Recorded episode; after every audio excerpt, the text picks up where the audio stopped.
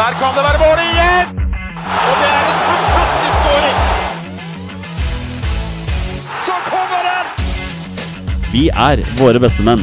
Vi har jo en del vi skal gå gjennom i dag. Skal vi bare, bare kjøre på med episoden vår? Ja, la oss gjøre det. Kjør! Heia Norge. Heia Norge! Heia Norge.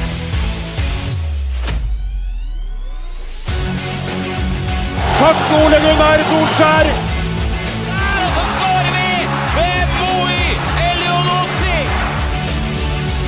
Rekdal skyter i mål!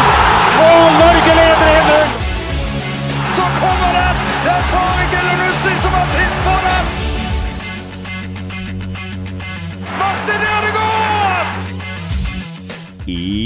Hjertelig velkommen til alle våre følgere og lyttere der ute til det som er tidenes aller første episode 212 av våre bestemenns podkast om norsk landslagsfotball. Men i dag skal vi ikke snakke landslagsfotball, vi skal snakke eliteserie.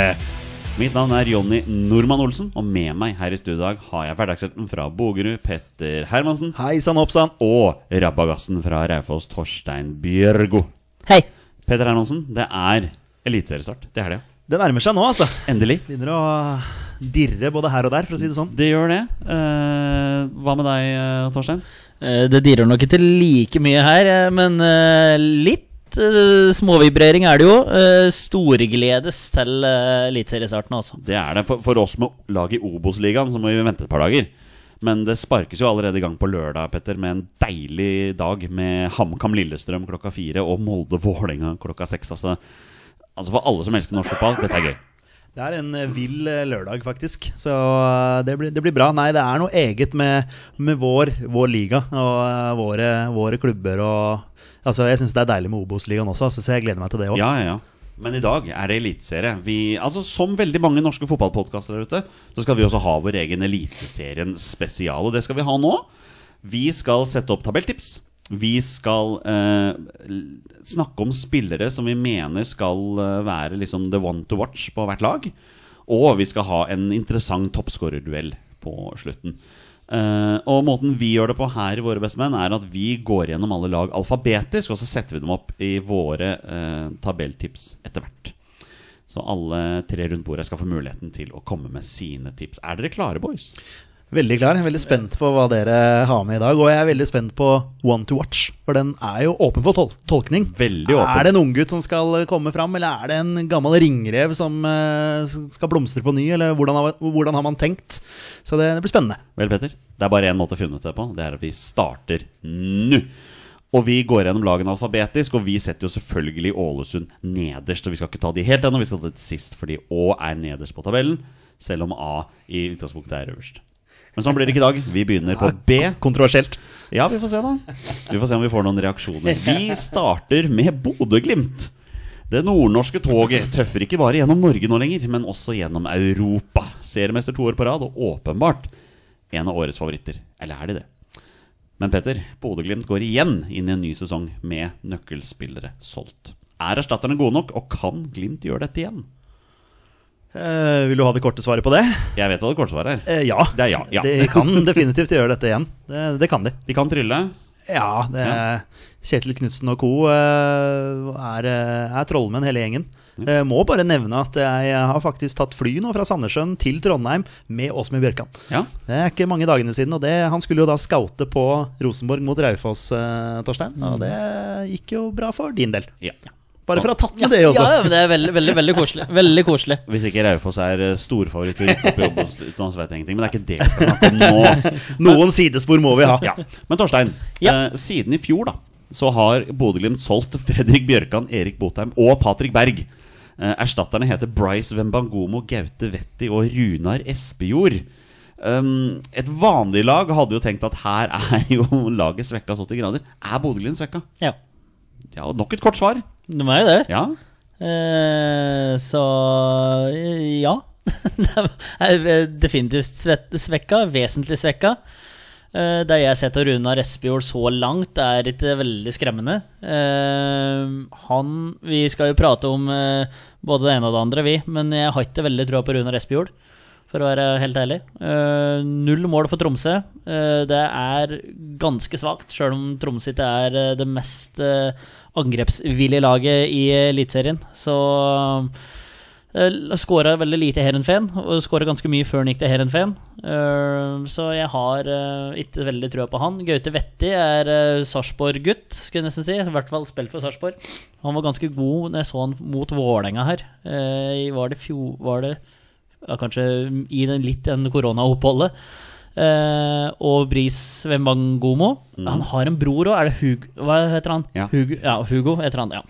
Eh, han har jo virkelig starta ganske bra mot eh, Celtic der. Uh, Høyrebeint venstreback. Spennende. Han tror jeg kan være den du min merker minst fravær av med Fredrik Bjørkan. Ja. Eh, Gaute Vetti, det går jo Elias Hagen inn i rollen til Patrick Berg, så det er jo eh, det er Noen får tilbake Brunstad Fet og Sondre Sørli nå fra noen skader, så det er jo faktisk nye signer, nye, for, nye spillere, hvis en kan si det på en litt rar måte. Eh, Så Bodø-Glimt er virkelig med likevel, men eh, de, de, de tre de må hente inn for de tre som ble solgt, er ikke forsterkninger, nei. Merker du det, Petter, at når Torstein blir skikkelig ivrig, så er det nesten som han legger en tier på en sånn uh, slåttmaskin og bare starter. Så da er han i gang. Elsker det. Bare ruller og ruller og ruller. Ja, dette er noe som engasjerer, og da, Ja. da blir man Ja, da, blir- da blir Ja, ivrig. ja, Og da svarer han ikke på spørsmål heller. Uh, så sånn er det. Boys, player to watch, uh, Bodø-Glimt. Jeg begynner med deg, Petter. Ja, jeg har rett og slett skrevet opp Boniface. Eh, Var vel skada hele fjorårssesongen, eh, hvis ikke jeg husker helt feil. Har vært mye, slitt mye med skade. Tror han har et voldsomt potensial. Torstein eh, sier at Espejord eh, ikke kommer til å levere i Glimt, og da må jo Boniface levere, da. Eh, nei, jeg syns han er kjempespennende. Har veldig mye eh, en spiss bør ha, og får han mye tillit, eller får han spille eh, mye, så så skal det skåres mål. Jeg har jo, jeg har jo personlig trua på Espejord, da. Altså sånn, jeg regner med at han er henta inn som en direkte erstatter for Botheim. eh, og skal, eh, skal være frontspilleren til Glimt og den som skal gjøre mål. Og Botheim hadde vel ikke skåra veldig mye mål han heller, eh, Torstein, da han ble henta til, til Bodø. Og, og jeg, jeg, jeg føler, litt som jeg sa på fleip, at de kunne henta Martin Ramsland, og så hadde han putta 30 mål. Litt på fleip sa jeg det for noen episoder siden. men men jeg tenker at eh, systemet til Glimt og måten de produserer sjanser på, alt mulig sånn eh, Espejord er i utgangspunktet en målskårer, men det er klart at han er avhengig også av å ha gode folk rundt seg, og det får han i Glimt. Og jeg tror han eh, fort kan være en toppskårerkandidat, men så er det opp til Boniface å ta vare på mulighetene sine, og han kan også fort få et sånt gjennombrudd i år, da. Men historikken til Bodø-Glimt tilsier jo at det skal bli suksess med Espejord òg, hvis du tar de siste åra. Eh, men det er bare litt for å gå litt imot strømmen òg, og si det. Og så er Boniface nå tilbake igjen, og kanskje han har lyst til å drømme om noe litt større. To kneskader som har satt han tilbake igjen. Nå kan det, kan det være all sesong, jeg og satt han på player to watch, Victor Boniface, faktisk. Ja, du har Boniface også, også? ja. Men har vi sagt tabeltips på Bodø-Glimt, egentlig? Nei, vi skal begynne Nei, med Play to vi- Watch, Vi begynner med Play skal to vi Watch. på tabelltips, Riktig. vet du. Holder eh, lytterne litt på pinebenken der. Det er jo kjempespennende, da. Men jeg har òg nevnt, som nevnte Elias Hagen òg, som player to watch, men han er det Han er liksom allerede litt i gang. Han- Det er akkurat det, så det er derfor eh, Victor. Boniface er, eh, er min, eh, min mann. Min player to watch er Gaute Vetti. Ja. Veldig kjempegøy. Jeg har stor sans for spilleren. Tror igjen Bodø-Glimt har gjort et kjempekjøp, men han må begynne å få spille mer enn det han har gjort. Og Bodø-Glimt har ikke rullert veldig mye nå i vinter, i hvert fall.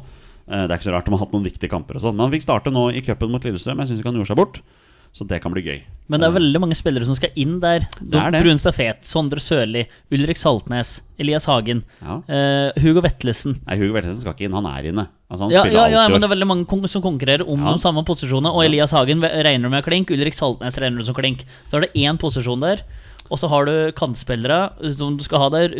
Espejord på topp. Så det er um... Men da må jo du også tenke på det faktum at eh, Bodø-Glimt skal spille Conference League-finale i Tirana i løpet av denne våren her også, så alle kamper kommer til å bli flytta på. De må spille masse kamper. Ja, men det er en brei, brei tropp de faktisk har å rå over. Yes. Tabelltipset, mine herrer. Jeg begynner denne gangen. Jeg har Bodø-Glimt på førsteplass.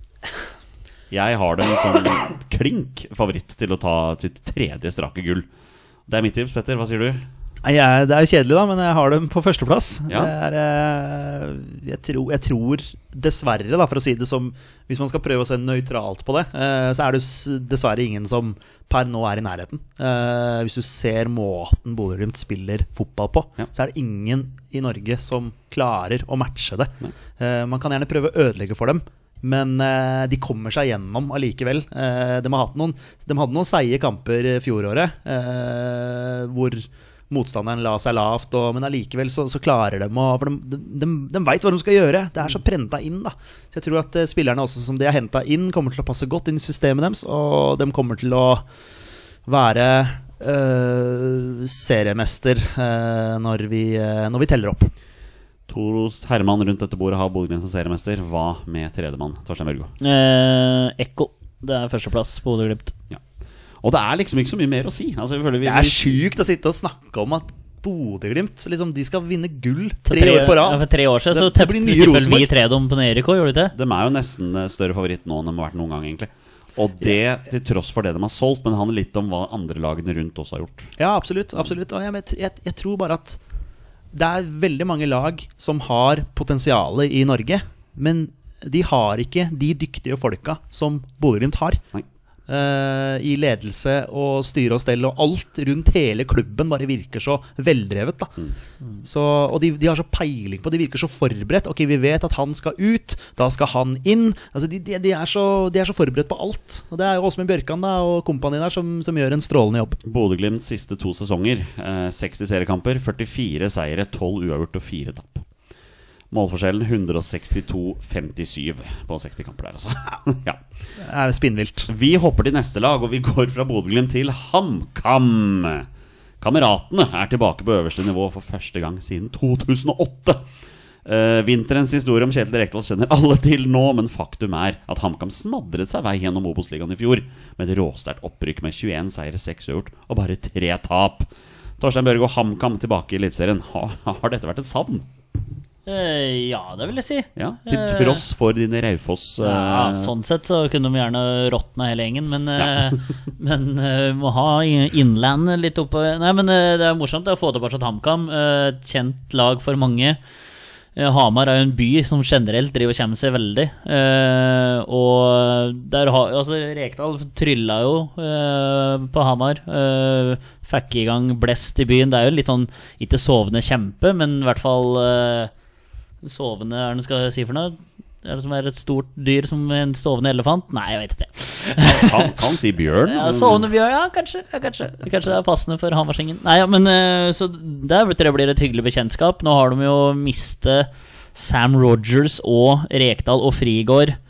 Er det flere spillere som har røket derfra som jeg ikke har fått med meg? Nei, ikke ennå, tror jeg. Nei, så det er jo rykter med Eriksen, da. Ikke sant? Det er Rykte, er- med, ja. rykte med Eriksen, så det er litt synd. Men uh, jeg tror dette laget skal kunne slå litt fra seg. Og ja, litt sånn tarrende innlandsrotter. Det kan, uh, jeg tror ikke alle som får med Eller drar til Hamar og tar med seg tre poeng tilbake. Altså. Nei, Petter, Uh, vi må jo ta Torum Christian Eriksen her. Supporterhelten som nå går inn i sesongen nesten som en slags Judas, altså. Eh, hva, hva må Christian Eriksen gjøre nå for å gjenreise tillit hos Briskeby-mannen? Skåre mål. Det er så enkelt. Prestere. Ja, Ja. men så enkelt er det jo. Eh, man, man glemmer fort hvis eh, hvis eh, han eh, leverer varene, sånn som han har gjort for eh, HamKam tidligere. Ja. så nei, jeg syns også det er veldig spennende med HamKam opp. Det er jo i utgangspunktet et, eh, et lag eh, og en by som, som kan trekke litt folk på kamper. Det er ofte det jeg tenker. Da, at det er liksom litt blest og litt trøkk og eh, kamerater og Nei, jeg syns hele HamKam-greiene virker veldig veldig spennende. Uh, ny trener. Uh, ukjent for min del, men uh, skal visst være en eh, spennende kar. Eh, danske. Eh, så ja, det blir spennende å se hva de, hva de klarer å få til. da Espen Olsen tror jeg vet hva han driver med utpå der. Altså. Det virker Så, som ja. uh, Det er i hvert fall ett lag i Eliteserien som har en supporter Nei, en, en uh, sportssjef som funker. Ja, men, ja, ja, men, dette, men jeg tror dette HamKam-laget Det kan bli spennende å følge. Og det, de skal bli vriene å ha med å gjøre. Altså. Det er i hvert fall et internasjonalt preg over HamKam i år. Altså Greit, jeg henta Fredrik Sjølstad fra Molde. Det er fort en god signering. Uh, Pål Kirkevold fra Stabæk. Nja, det er en stund siden han presterte. Og Vegard Kongsrud fra Bodø-Glimt. Målpål. Uh, Målpål, ja. Men uh, flere av nykommerne i laget, amerikanere, canadensere, en ukrainer og en costaricaner altså Det er internasjonalt preg over HamKam i år. Men er en av disse nykommerne din player to watch på HamKam i år, Petter? Å, jeg liker den overgangen der, eh, Olsen. Jeg begynner å bli god på det. Ja, det, det, det er du. Uh, nei, vet du hva, det er det ikke. Jeg har en, uh, en nordmann. Eh, jeg drar fram eh, Halvor Rødølen Oppsal. eh, forsvarsspiller, 19 år. Eh, stort talent. U20-landslagsspiller. Var en veldig viktig brikke for HamKam da de rykka opp. Og, men klart, nå er det et steg opp. Klarer han å levere like bra som det han gjorde i Obos-ligaen? Er en spiller som, som jeg mener er veldig spennende å følge med utviklingen videre. da Det er også min player to watch på HamKam, Halvor Rødølen Oppsal. Uh, spilte masse i Obos-ligaen i fjor. Hvis han får spille mer her nå, så er det større klubber som kommer til å sikle etter han. Hva med deg, Torstein? Eh, nei, ta Kristian Eriksen som bare måtte nevnes, men han har vi pratet nok om. Min er Fredrik Skjølstad. Ja, Ja, tilbake på Hamar. Eh, starter ungdomskarrieren sin der. Eh, jeg lurer på om jeg faktisk har spilt mot den. Eh, ganske så bra spiller. Var det han som røyk eh, beinet når han Hud-keeperen takla han, tru? Eller er det en annen Hamarsgutt som Nå ble jeg usikker. Ja, eh, det tror jeg fort er en annen en som det står helt stille her nå. Men jeg trodde jeg hadde kontroll på det, men tydeligvis ikke. Men eh, Fredrik Skjølstad, det tror jeg kan være kjempesignering for eh, HamKam.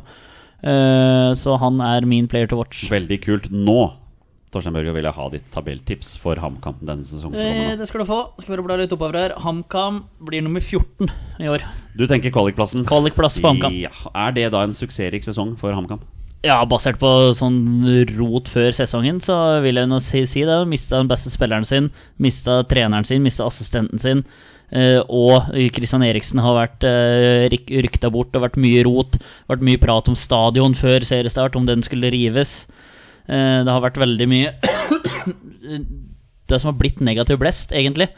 Uh, nå har det kanskje roa seg noe. Få Christian Eriksen i gang. De har et ganske habilt kampprogram å starte med. Lillestrøm hjemme om lørdagen. Det kan bli poeng til det, altså.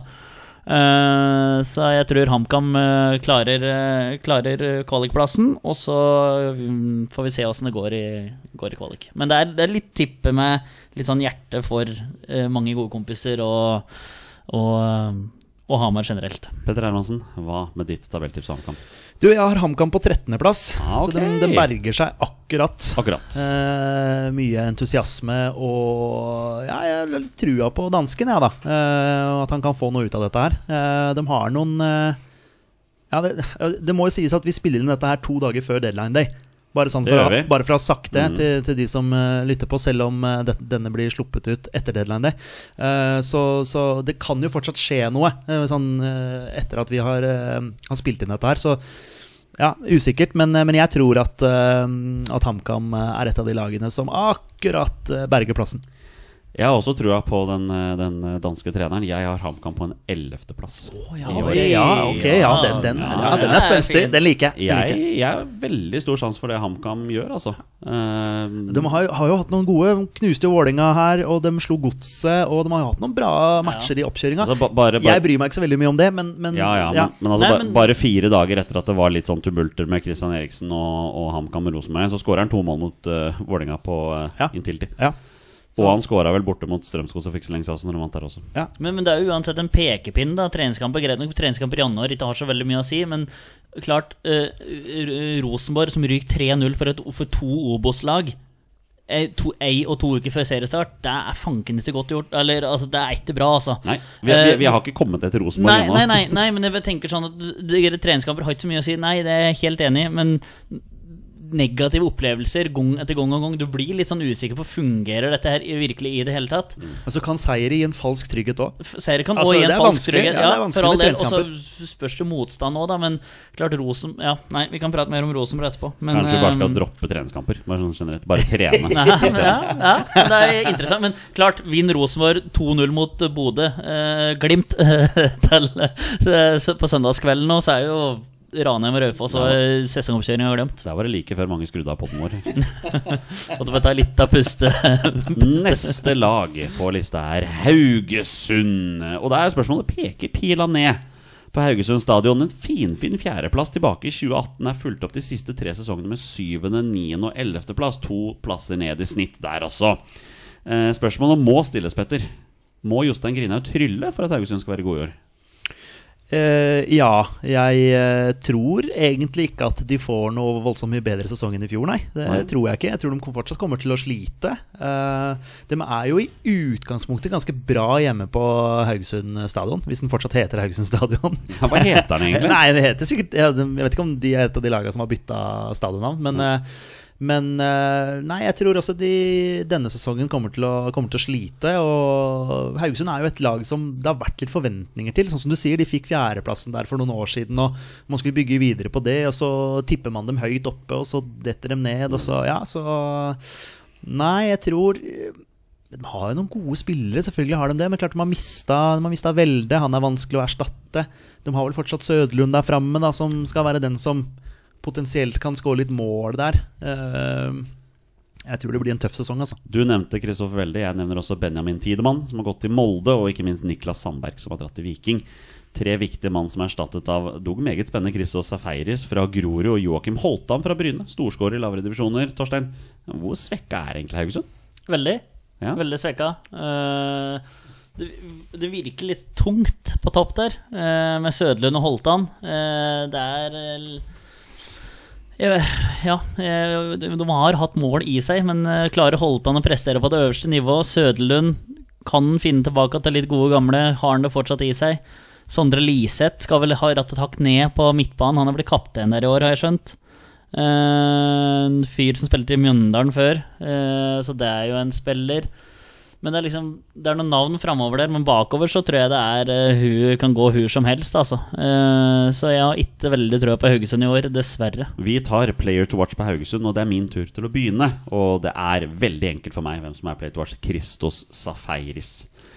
At uh, han fikk være så lenge i Grorud som han var, det så jeg som en overraskelse. For der har du en talentfull spiller som virkelig kan slå til for full pakke. Og jeg mistenker kanskje at det er i hvert fall en annen rundt bordet her som har han også, Petter.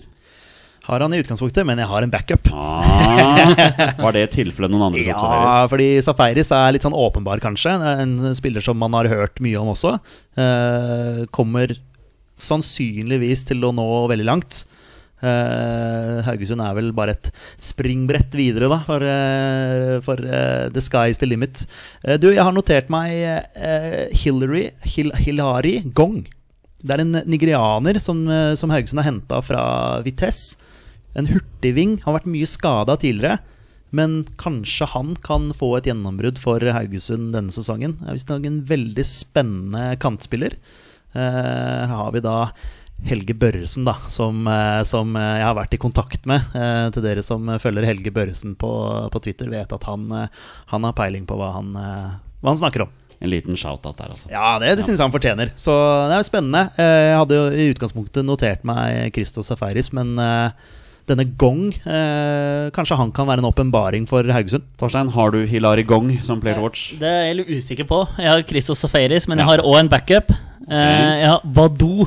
Er det, blir det prata mye om. Eh, er det samme Nei, nei, nei. nei. Det er ikke Det er en samme. annen. Det er en annen, ja. annen. Ok. Ja, nei, for da er Badou min mann. For Badou er vel spiss, er han ikke det, da? Ja, for det er, eh, det er sistemann på topp som jeg slet med å komme på i stad. Men Badou er, Han er eh, også spennende, ja. Ja, det Absolutt. er eh, min mann for Haugesund som kanskje kan skyte dem eh, litt over eh, norm, skulle jeg nesten si. For å ta en Kompani Lauritzen Det her, da. liker jeg. Det liker jeg. det liker jeg Og i tilfelle det er noen som lurer, det er det Alione Badou Endour det er snakk om her. Jeg har skjønt at Badou er et slags kallenavn Ja, der ja. også. Tabelltips. Eh, da er det min tur til å begynne denne gangen. Mine herrer, jeg har plassert Haugesund på en tiendeplass. Det, det blir rundt det sjiktet som var i fjor. Petter, hva sier du? Eh, Jeg har Haugesund på tolvteplass. Du har dem såpass lavt, ja. Eh, De hadde ellevte i fjor. Um, som sagt, jeg tror de kommer til å slite, men uh, jeg tror de berger seg. Uh, men uh, ja, det blir nok en tøff sesong. De, de er avhengig av å gjøre det bra på Haugesund stadion. Uh, ser for meg at de ikke er sånn kjempegode borte. Så spennende. Mm. Hva med deg, Torstein? Eh, Jeg skal jo gå litt imot som vanlig, jeg, da. Så Haugesund rykker ned i år. Blir, blir nummer 15. Oh my god! Ja, men det er eh, Ja. Ja, Haugesund rykker ned. dem, eh, vi har dem i- ned, nedi der. Nedi der, ja. Men da kommer dem på tredjeplass. Det pleier å være, Ja, litt, ja, ja, men det pleier å være litt samme Haugesund. Så det Føler- er- Jeg føler det er litt samme Haugesund. Ja. At, Så, men det er eh, deilig ja. å kunne være så påståelig her eh, i januar, skal jeg nesten si, i mars, og så får vi svaret når det blir eh, mørkt og kaldt og fælt og vinter og tutte, og så Ja, altså alle, blir vi slakta her. alle som følger våre bestemenn, vet jo at vi tenker jo aldri før vi snakker. Det er jo sånn det er. uh, neste lag, herrer, er Jerv. De blå, gule og blå fra Grimstad debuterer på Norges øverste nivå i år. Etter en tredjeplass i Obos-ligaen i fjor. Og seier i playoff etter en sinnssyk kamp mot Brann på Intility. Laget ledes av Arne Sandstø og Petter. Ja, hva er dine umiddelbare tanker om at Jerv skal prøve seg Eliteserien i år? Ja, jeg tror du sier det korrekt her. Prøve seg. Eh, Ja, det- det er det det blir. Jeg er, eh, var vel Torstein som skrev i chatten her Får Jerv over ti poeng denne sesongen? ja, det er jo Ja, det er jo veldig få som har trua på Jerv.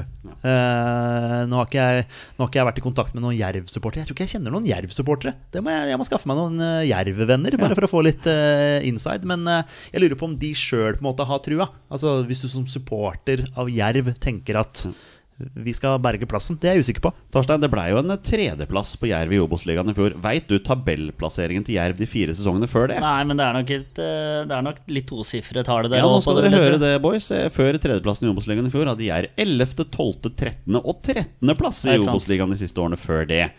Spørsmålet må jo stilles, Torstein. Var 2021 rett og slett en hel sesong med overprestering? Jeg tror Gud var med dem, og det er de vel avhengig av i Eliteserien nå. Eh, De er vel veldig religiøse der nede, og det tror jeg, den trua tror jeg de er nødt til å ha eh, for at dette her skal kunne gå. Eh, Veldig bekymra for Jerv, egentlig. Det, med rette, og det tror jeg mange, mange er, og jeg er òg en av dem. De må hente helt avsindig mange spillere fra øst og vest. Eh, Så dette her kan gå Du har vel henta Kolskogen har fått inn Kommer han på lån, ja. Kom på lån.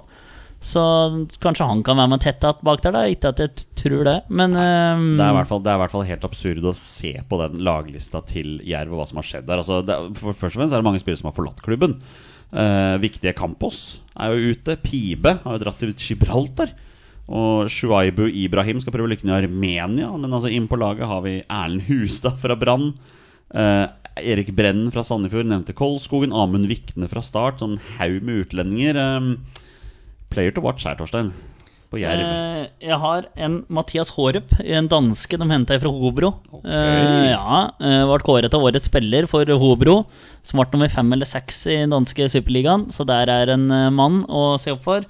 Og så tror jeg det blir veldig travelt for Øystein Øvretveit. Uh, han tror jeg end, altså Nå må han endelig kunne vise seg fram for, uh, for uh, eliteseriepublikum. Han sto vel sist når det het Tippeligaen, han sikkert for Brann, uh, hvis jeg husker helt riktig. Men eh, da får jeg si Mathias Hårup, som er en svært viktig mann for dem. Øystein Øvretveit er bare 27 år. Det er, det er har helt hørt om så lenge, Ja. faktisk. Og det som er så fascinerende når du drar frem en av de utlendingene, er liksom hvert lag Alle lag henter jo inn en og annen utlending, og i utgangspunktet veit ikke vi noe om dem før Eliteserien begynner. Det er først da du liksom kan bare Oi, han var litt god, han. Hvem har du, Peder?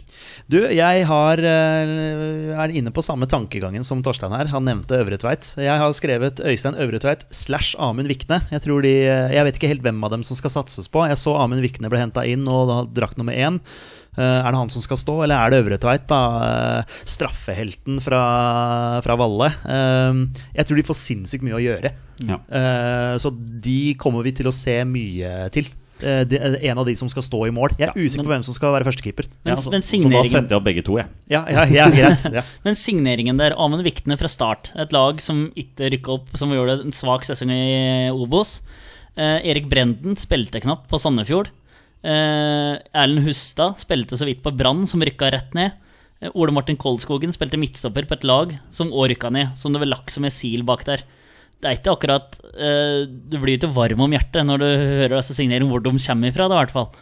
Uh, og de kommer fra et lag med dårlige opplevelser, og så går de inn i Eliteserien, og så går det kanskje så som så. Det er liksom Nei.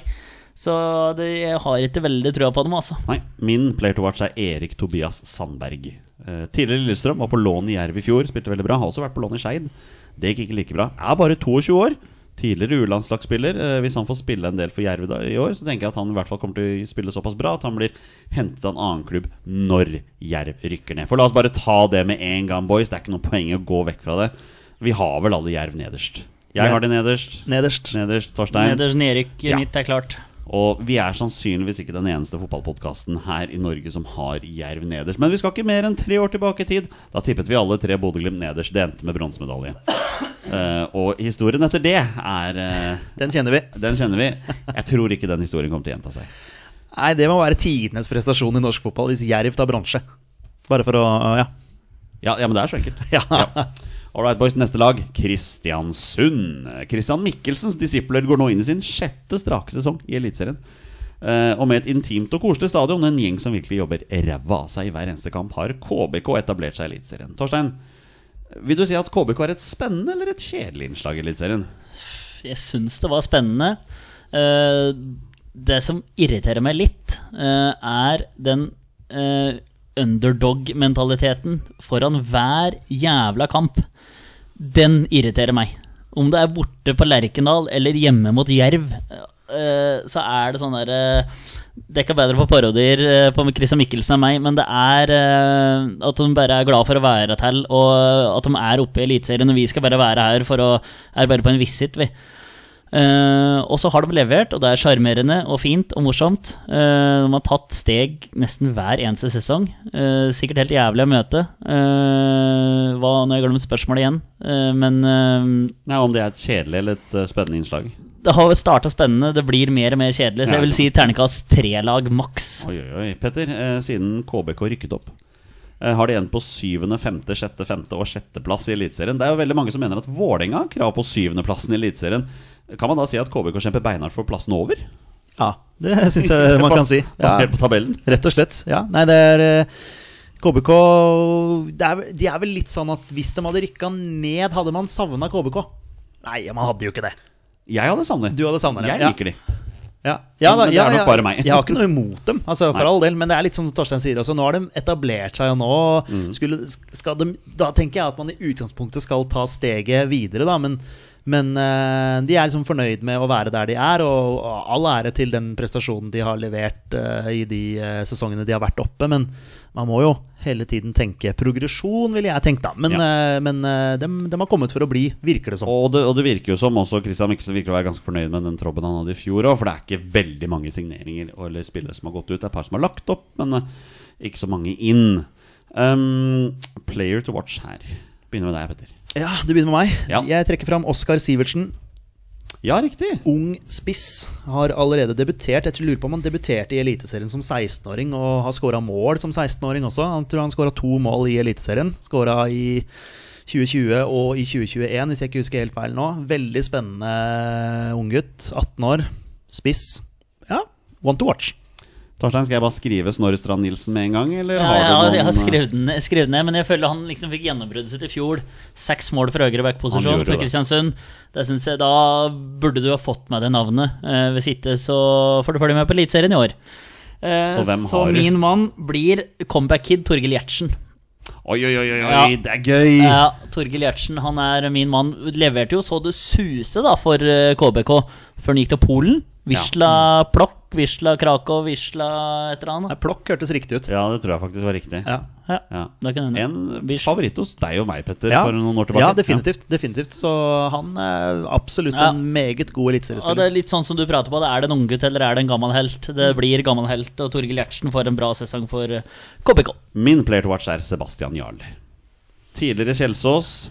Var et stortalent i Kjelsås. Fikk det ikke helt til i Sarpsborg. Prøvde lykken i Koffa litt grann greit der. Nå skal han prøve seg i et helt annet lag. Og jeg husker bare så godt hvor god han var da han var sånn 17-18 år for Kjelsås. Jeg er ikke så veldig glad i Kjelsås, men Sebastian Jahl var god.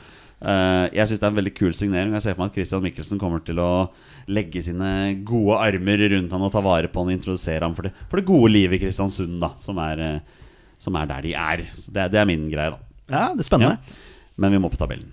Eh, Petter, du får være en av å begynne med Kristiansund. Ja, vi snakka om at eh, de, de, de har kommet for å bli, og at de biter seg fast. Eh, de ble nummer seks i fjor. Eh, jeg tror de blir nummer seks igjen. Det er så enkelt. Ja, for meg er det det. Eh, ekle å møte, spesielt i Kristiansund. Og den, litt den derre De gir seg liksom aldri. Nei. Eh, og de har etablert seg der, og, og jeg tror det er vanskelig for dem å på en måte å, per nå uh, De har hatt muligheten til å ta steget videre opp, mener jeg, men, men per nå så mener jeg at de laga som, som jeg i hvert fall tippa foran, er, er for gode til å ta igjen, kan du si. Så en sjetteplass er eh, finfint for KBK. Jeg prøver jo å variere litt her på hvem som skal si tipset vårt fra gang til gang, så det ikke blir det samme. Så det er min tur denne gangen. Uh, jeg har Kristiansund på niendeplass i år. Jeg tror de uh, skuffer litt. De kommer til å gå litt ned, men det er fordi et par lag jeg tror kommer til å bli bedre enn tidligere. Torstein Børgo. KBK på niendeplass. Neimen, har du sett? Ja, ja, ja. Det er interessant. Det er interessant, ja, ja, ja. Det er jo verdt, det er jo også verdt å nevne at Sist gang vi hadde dette tabelltipset, så var det jo Torstein Børgo som gikk seirende ut av uh, Han duellen. er en luring, han der Torstein Børgo, altså. Ja, han, han, man skulle tro han veit hva han driver med. Ja, men det han, Det er bare med trua. han er flink. Han, er, eh, han har peiling på fotball. Nå hopper vi over til Lillestrøm. eh, Kanarifugla, vet du. Som eh, De sa seg fornøyd med en sesong i Obos-ligaen i 2020. Eh, og var, jeg vil si, den største overraskelsen i Eliteserien i fjor. En råsterk fjerdeplass som kan ende med europacupspill. Petter, som Vålerenga-supporter er det sikkert tungt å si, men hvor imponert var du over Lillestrøm? Meget imponert. Ja. Jeg klarer å se objektivt på, på ting. Og han han, eller de eh, i trenerteamet der, eh, Bakke og Myhre, har gjort en, gjort en kjempejobb der. Så eh, de gjorde en strålende sesong. Hadde jo en en toppskårer som skåra 100 mål, var det ikke det? Eh, og da kommer du ganske langt, da. 101 faktisk. Ja, hvor, hvor mange var det han hadde? Er det noen som husker det i huet? 26 eller 27? eller Ja, sant? Men da, da, da har du da, da kommer du som regel høyt opp på tabellen da, hvis du har en eh, skikkelig målskårer. Det har de ikke denne sesongen, sannsynligvis. Nei. Så det blir spennende. Ja, for det er spørsmålet til deg, Torstein. Uh, Toppskårer Lene Olsen ute, som vi nevnte. Erstatteren heter Holmbert Fridjonsson fra Holstein Kiel, men det er også spennende Akor Adams fra Sogndal. I bakhånd, hvor svekket er LSK offensivt her? Nei, det sier seg sjøl når du mister en som lager 30 mål. En sesong som skyter deg til eh, nesten medalje, eller i hvert fall medalje i kamp. eh, Så sier det seg sjøl at du er svekka. Eh, Men jeg syns det ser ganske spennende ut allikevel. De har jo henta en Ibrahimai. Henta tilbake fra Tyrkia, tror jeg. Eh, Så det er jo spennende. Fridjonsson, han putta jo mange mål var det? Var det Putta han 15 mål eller noe sånt? 11, nei, 10, 11, 12, 13 mål før han forsvant fra Ålesund etter en halv sesong. Eh, Får han en hel sesong? Kanskje har han det fortsatt i seg? Det er spørsmål. Uh, Pål André Helland har ikke vært veldig mye skade i sesongoppkjøringa. Gjermund Aasen og fjor, fjorårets uh, assistkonge. Uh, Ifeani Matthew for å ha fått en ny rolle. Uh, det syns jeg kan se ganske bra ut. Jeg prater nok om Mats Henstad Christiansen bak der. Vetle Dragsnes er en kjempefin spiller. Så Lillestrøm er et bunnsolid lag, sånn som vi har vokst opp med at de alltid har vært. Uh, måla skal komme ifra litt mer fordelt i år, da. Så blir det ikke så mye skuffende på Åråsen i år heller. Vi tar Player to watch, og nå er det jeg som begynner denne runden her. Jeg har Eskil Ed. Høyrebekk, 19 år. Dritgod i Eliteserien i fjor. U-landslagsspiller. Uh, potensialet er skyhøyt. Jeg tror han bare blir bedre og bedre. Rett og slett. Det er bra, bra spiller, det. Torstein Børgo? Colin Røsler. Ja, men det er spennende. det var også en det jeg spennende. vurderte. Ja. Det er gøy å få han inn i Norge etter å ha spilt i Nederland noen år. Men det er jo sånn, litt sånn som du sa i stad, Jonny, at jeg vet jo ingenting om alle disse spillerne. Det er jo bare kult å kaste ut noe, og så plutselig så blir han årets spiller, og Lillestrøm blir nummer to i Jo, jo, altså, Men du hiver jo ikke ut et navn bare fordi er et navn. Altså, du har en grunn bak. ja, da, ja da, ja da, ja da. Så det, jo, det blir spennende å se at eh, nå har han vært ungdomsspiller lenge. Nå er han tilbake til der eh, far hans en gang var. Det er litt, litt sånn rørende, hele den storyen der. Eh, jeg tror han kan være med å tette til Lillestrøm-forsvaret. eh, Og at han går en god sesong i møte mot, eller for det Lillestrøm-maskineriet som er vonde å møte på Råsen, som vi en gang kjente. Petter, har din Player to watch hansker? Eh, ja. Ja, det var Eh, sånn. altså, nå har jeg snakka opp uh, Mats Hedenstad Christiansen så mye i den podkasten her uh, at selvfølgelig er han min one to watch. Han gjorde en solid sesong i fjor og er jo også en av grunnene til at Lillestrøm gjorde det såpass bra som det de gjorde. Matchvinnerredninger her og der, så han, han tror jeg kommer til å ta ytterligere steg. Og så spørs det, da, til sommeren, om det er noen som får øynene opp for han når vinduet åpner igjen. Jeg er litt usikker på når eh, vinduet der åpner, for i og med at norske vinduet stenger nå i mars, så ja, jeg Ja. Nok om det. Eh, han har potensial til å bli solgt eh, videre, og er en eh, potensiell uh, A-landslagskeeper i fremtiden. Så han tror jeg kommer til å bare fortsette å utvikle seg og, og stå eh, nok en solid sesong for Lillestrøm. Vi tar tabelltips, og vi begynner hos Torstein Børgo denne gangen. Lillestrøm, Torstein. Ble nummer fire i fjor, blir nummer fire i år. Gjør det så enkelt, ja? Ja. De skal fortsatt etablere seg. Ja, og Ja. få flere målskårere rundt, så tror jeg etter savnet til Lene Olsen blir så merkbart. Nei, Petter Hermansen, hvor har du Lillestrøm?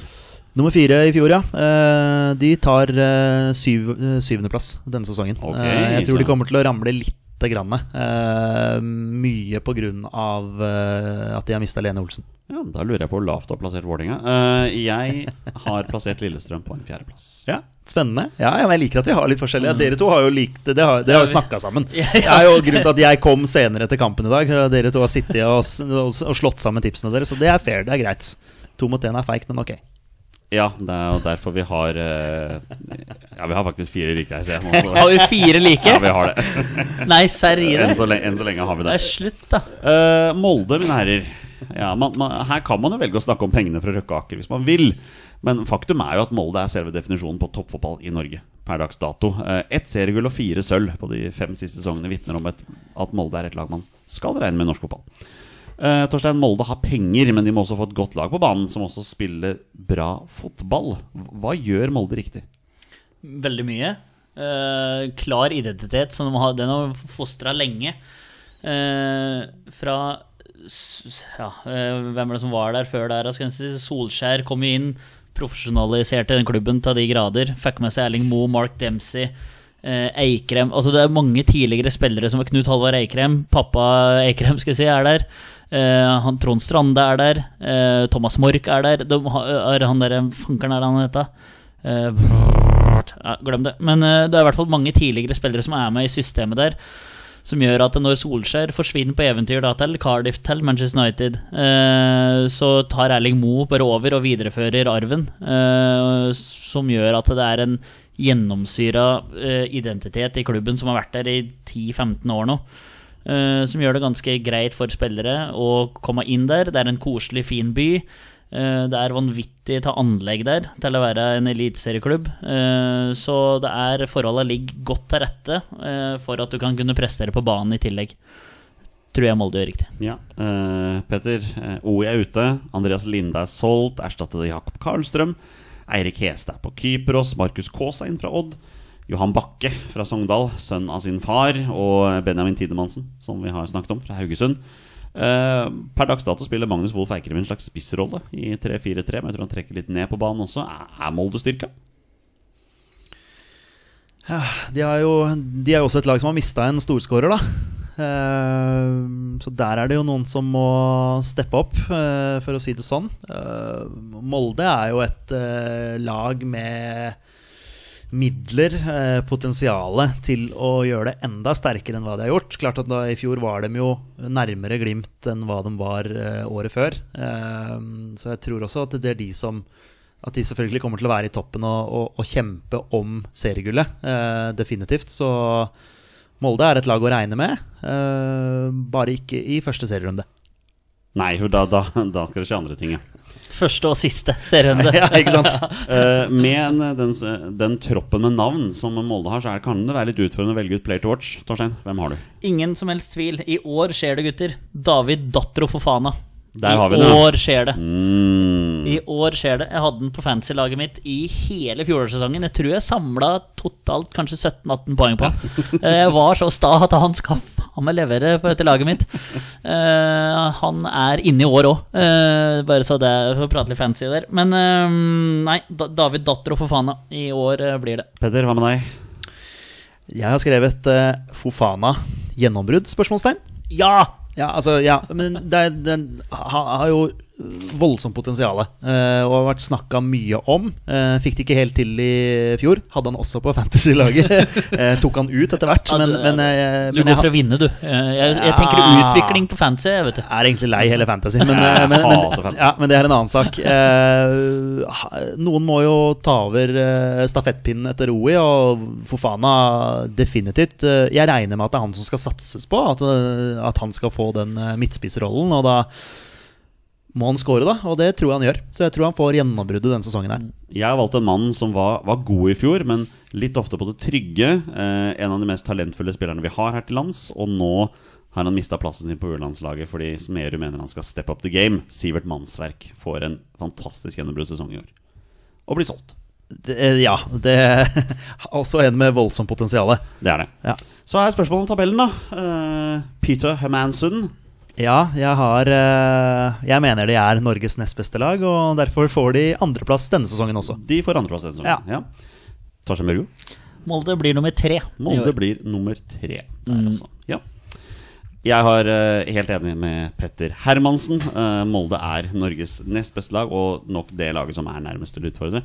Selv om det er et par runder som kan være litt spennende. Ja, definitivt. Og så la oss håpe at uh, det hadde vært så kult hvis det var en tre-fire lag som liksom kjempa om gullet til, eh, til helt til slutt der. Eh, At ikke Glimt eh, bare raser ifra.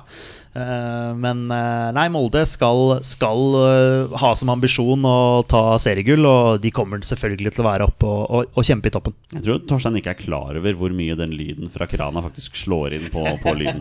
Jeg beklager, men det var pisslunkent første glass, Ja, så jeg måtte bare helle det er jo synd at jeg ikke har kaldt vann i kjøleskapet. Alltid kaldt vann i kjøleskapet til Jonny Olsen.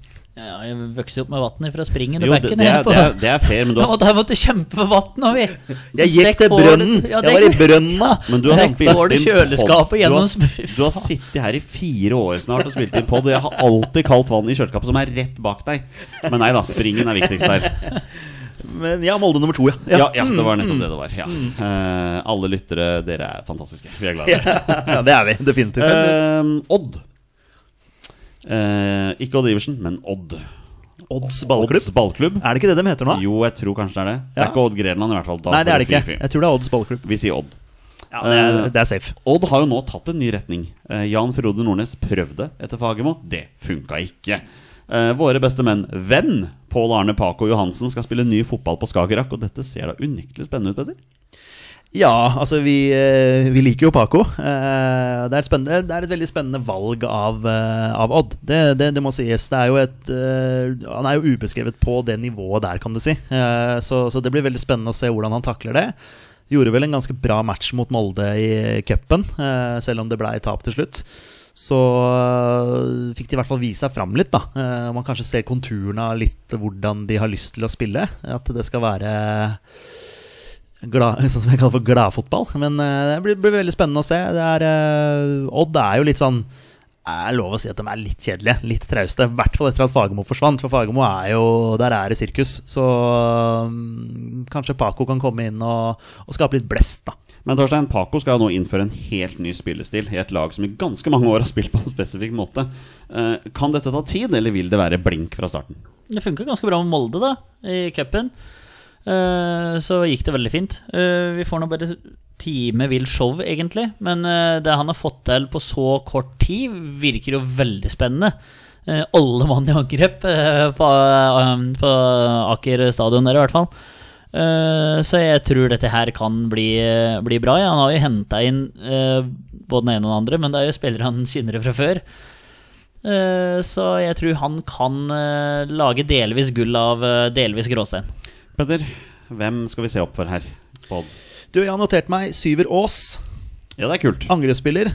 Uh, kan fort være en mann som får putta noen goller for uh, Odd. da uh, Det er mye snakk om Lauritzen, selvfølgelig, men Aas, da, født i 2004, spennende spiller. Eh, og Paco glad i unggutta og gir dem tillit, så kan være en som får et, et gjennombrudd. Ja, altså, for, for meg, da, når jeg skal sette opp Play to Watch her Altså, jeg har ikke noe valg når det gjelder å sette opp Play to Watch her. Altså, hvis ikke jeg hadde satt opp Abel Stensrud som Player to Watch her nå, så hadde jeg blitt kuttet huet av.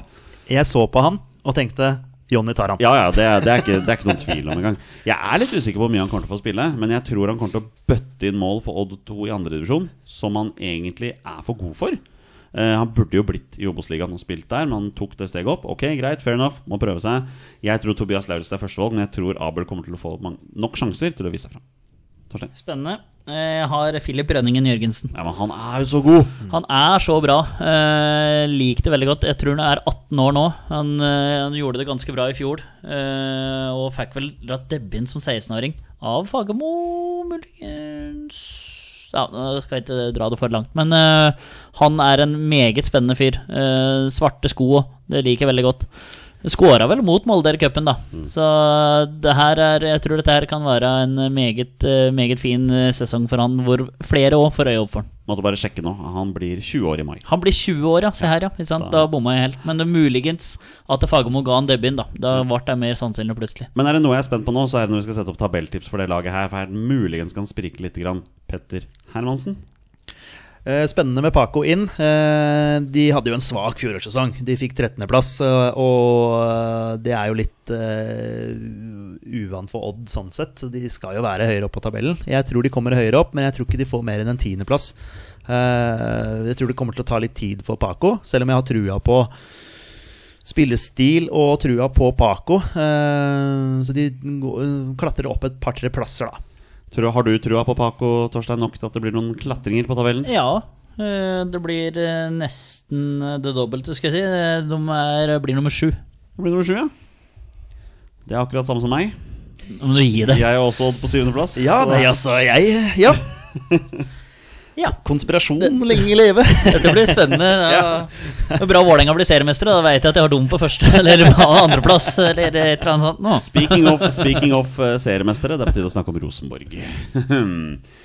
Eh, her skal vi prøve å fatte oss i korthet. Eh, men det er klart, Rosenborg hadde fire strake seriegull mellom 2015 og 2018. Men det var med Kåre Ingebrigtsen som sjef i tre og en halv sesong. Eh, den siste halvsesongen var Rini Kolen som satt der. Um, etter dette Det hadde jeg glemt. Ja, ja, ja. Eh, han fikk, og Kåre fikk sparken en sesong hvor de vant serien. Ja. Ja. Etter dette har de tatt en tredje, fjerde og femteplass med kaos på sidelinja og i kulissene. Nå er Kjetil Rekdal ny sjef, men resultatene i vinter, Torstein, skremmer ingen. Har du trua på Kjetil Rekdal? Ja, Kjetil Rekdal er jeg kjempetrua på. Han i Rosenborg er jeg litt mer spent på. Det tror jeg det kommer til å ta ganske bra med tida. Spørsmålet er om han får den tida. Eh, Det håper jeg virkelig han får. Eh, Jeg har veldig sansen for Rekdal, men altså, jeg er veldig sånn 50-50 om hva jeg sjøl hadde gjort hvis jeg liksom hadde trent et lag opp fra Obos eh, og vært liksom nesten sånn gudestatus der. Ville jeg hatt dem i Eliteserien? Eller hadde når eh, Norges desidert største klubb hadde ringt, hva ville jeg prøvd å fått om en sovende kjempe? Um, så jeg tror på Rekdal. Ikke fullt så tror jeg på Rekdal og Rosenborg, dessverre. Nei. Men det er klart, Petter, vi kunne sitte her og snakket om at treningskampen har vært helt krise. Eh, Det snakkes om at den trener veldig godt, men at de ikke får det ut i kamper. Kan vi ikke heller snakke om det faktum at Rosenborg plutselig har blitt en slags folkelig klubb som virkelig tør å by på seg sjøl? YouTube-serie med ting fra sidelinja. Jeg vet ikke med deg, men jeg ser på det. Ser på det hver gang. Har sett, har sett noe av det, Ja. eh, og det er alltid kult å få et innblikk i en fotballklubb. Det syns jeg er veldig veldig gøy. Så ja, absolutt. Og Rekdal eh, må jeg si at jeg har, jeg har trua på. Og eh, hørte jo podkasten til eh, eminente Heia Fotball med Tove Mo Dyrhaug, er det den heter? Sånn at ikke jeg sier feil navn her. Hun mener jo det at eh, Rekdal må få tid. Altså Vi må slutte med der eh, at vi skal sparke i huet og ræva hele veien, og at eh, han, han skal få tid her. Så det blir spennende å se hvor mye tid han får, da men, eh, men jeg har trua på, på Rekdal på, på sikt. Ja, og jeg er helt enig med deg. Og, men det som blir Det du sier da, med på innsiden og når de lager sånne der fra garderoben og sånn, det er kjempefint. Det er helt topp for både supportere og oss som ikke er supportere å få et innblikk der. Men det som da blir feil, er når VG tar ut sitater som blir sagt der etter et kvarter, etter åtte minutter der, etter 17, og lager sak på det. Og begynner å melde på hva er det du sier for noe her til spillerne dine. Hva slags taktiske disposisjoner er det du mener dere ikke gjorde feil der. Som du, Det syns jeg ble feil, for da ødelegger du det. Det er det samme som å si at vi vil ha frittalende spillere og trenere, og så får du en gavepakke av en eller annen person, og så skal du begynne å sage den for det han sier. For det, du, det, og det blir jo helt feil.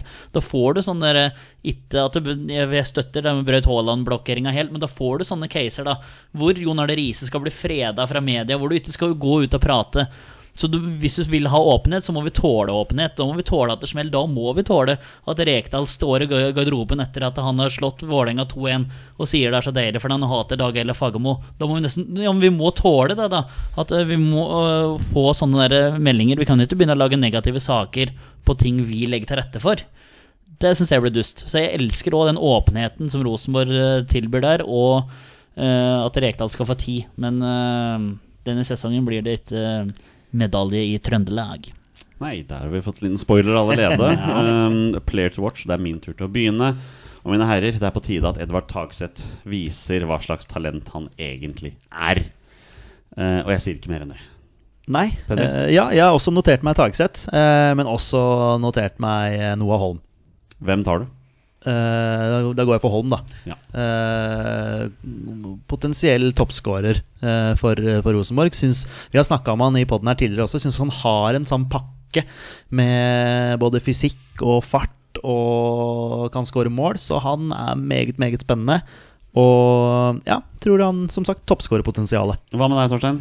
Eh, jeg lurer på om det er jeg som har tatt telefonen din, eller du har tatt telefonen min, Jonny. Men vi, har, vi følger hverandre tett her. Eh, Edvard Tagseth og jeg har skrevet det, og Noah Holm. Så, jeg- men jeg må nesten gå for Tagseth, for det er han jeg har uh, skrevet først. Og har eh, Sorry. eh, mest trua på. Han må, som du sa, Jonny, han må egentlig vise det navnet hans egentlig har eh, Ja, hva han har å by på. Ja. Eh, Da er det på tide med tabelltips, så det er min tur til å begynne. Jeg har Rosenborg på en sjetteplass i år i Eliteserien. Oi, det er spennende. Altså, så langt ned. Altså, du assosierer ikke det med Rosenborg? Sånn i utgangspunktet? Nei, absolutt ikke, men, men de trenger tid, Ja, ja. eh, sånn som du nevnte her. Og det er, det er så mye kaos der, og andre lag rundt som jeg tror det har vært litt spennende. Så jeg har Rosenborg på sjette. Mm. Petter? Jeg har Rosenborg på fjerde. Da har du såpass høyt, ja. ja. Ja, men altså, jeg har trua på Rekdal, jeg. Og at han eh, kan få, få skvisa ut det beste av den gjengen der. Eh, jeg personlig legger ikke så veldig mye i treningskamper. Men selvfølgelig, jeg, jeg skjønner jo at uh, folk i Trondheim og rundt omkring i landet som heier på Rosenborg, er bekymra etter å ha tapt 3-0 for Raufoss.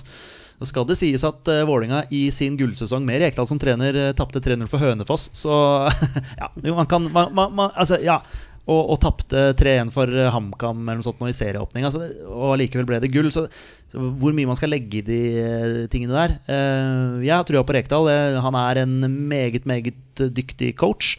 Eh, så må han få tid. Jeg tror de kan være med og skape trøbbel allerede denne sesongen, her men at de ikke De når ikke helt opp da, til, de, eh, til de bedre lagene som er foran. Hva med deg, Torstein? Hvor har du Rosenborg i år? Midt imellom dekk to. Femteplass. Du har det midt imellom, ja. Som de også fikk eh, forrige sesong. Så da holder Ja, de seg ja, ja, stabilt, ja, på, stabilt. på femte. Stabilt. Ja, men det Starter ræv, og så kommer de utover høsten. Og Ja, prater de, litt medaljekampen også. De har en interessant seriestart der med noen tøffe kamper. Det har de. Det er jo allerede Bodø-Glimt-Rosenborg i første serierunde. Ja, kanskje greit å bli ferdig med den vanskeligste bortekampen. Ja, Når ingen forventer noen ting av dem, og så har Tenk du Rosenborg, som du sa. Tenk Rosenborg vinner 2-0 i den. Altså, Ja, ja. Hvem vet? Rekdal er taktiker. vet du. Rekdal er en slu Så han kan, eh, kan lage litt trøbbel for Glimt, selv om jeg tror Bodø-Glimt vinner. Men Fra Rosenborg til Sandefjord. Og Sandefjord er jo laget vi alle tipper ned hver eneste hvert eneste år. Men de har faktisk en 11. og en 10. plass de siste to sesongene.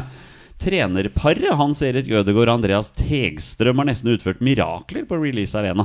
Med et lag nærmest kjemisk fritt for profiler eller kjente spillere. Men hva så med denne sesongen, Petter? Er det noen kjente spillere? Om det er noen kjente spillere? Er ikke Harmet Singh der fortsatt, da?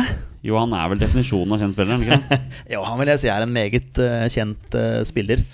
Nei, altså Sandefjord for meg er jo uh, Er det jeg, regner med at min venn Daniel Johansen, hvalfangeren på, på Twitter, hører på. er, han er jo Sandefjord-supporter, men de er litt kjedelige, er de ikke det?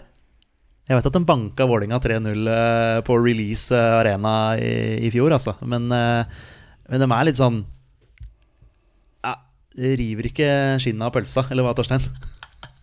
Nei, Altså Absolutt ikke. På ingen som helst måte. Og det, er jo, og det er viktige spillere som er borte også. Det må nevnes her. Kristoffer Nordmann Hansen har dratt til Polen og prøver seg der. Wim Bangomo har vi jo snakket om. Nei, det var jo fra Sarpsborg, det. Wim Bangomo var fra Sarpsborg. Ja, var han innom der, ja? Nei, det var Bodø-Glimt henta Wim Bangomo fra Sarpsborg, Ja, for han har vært i Sandefjord. Tidligere. Ja, ja. Ja. Det er viktig at jeg har riktig lag på plass her. Ja.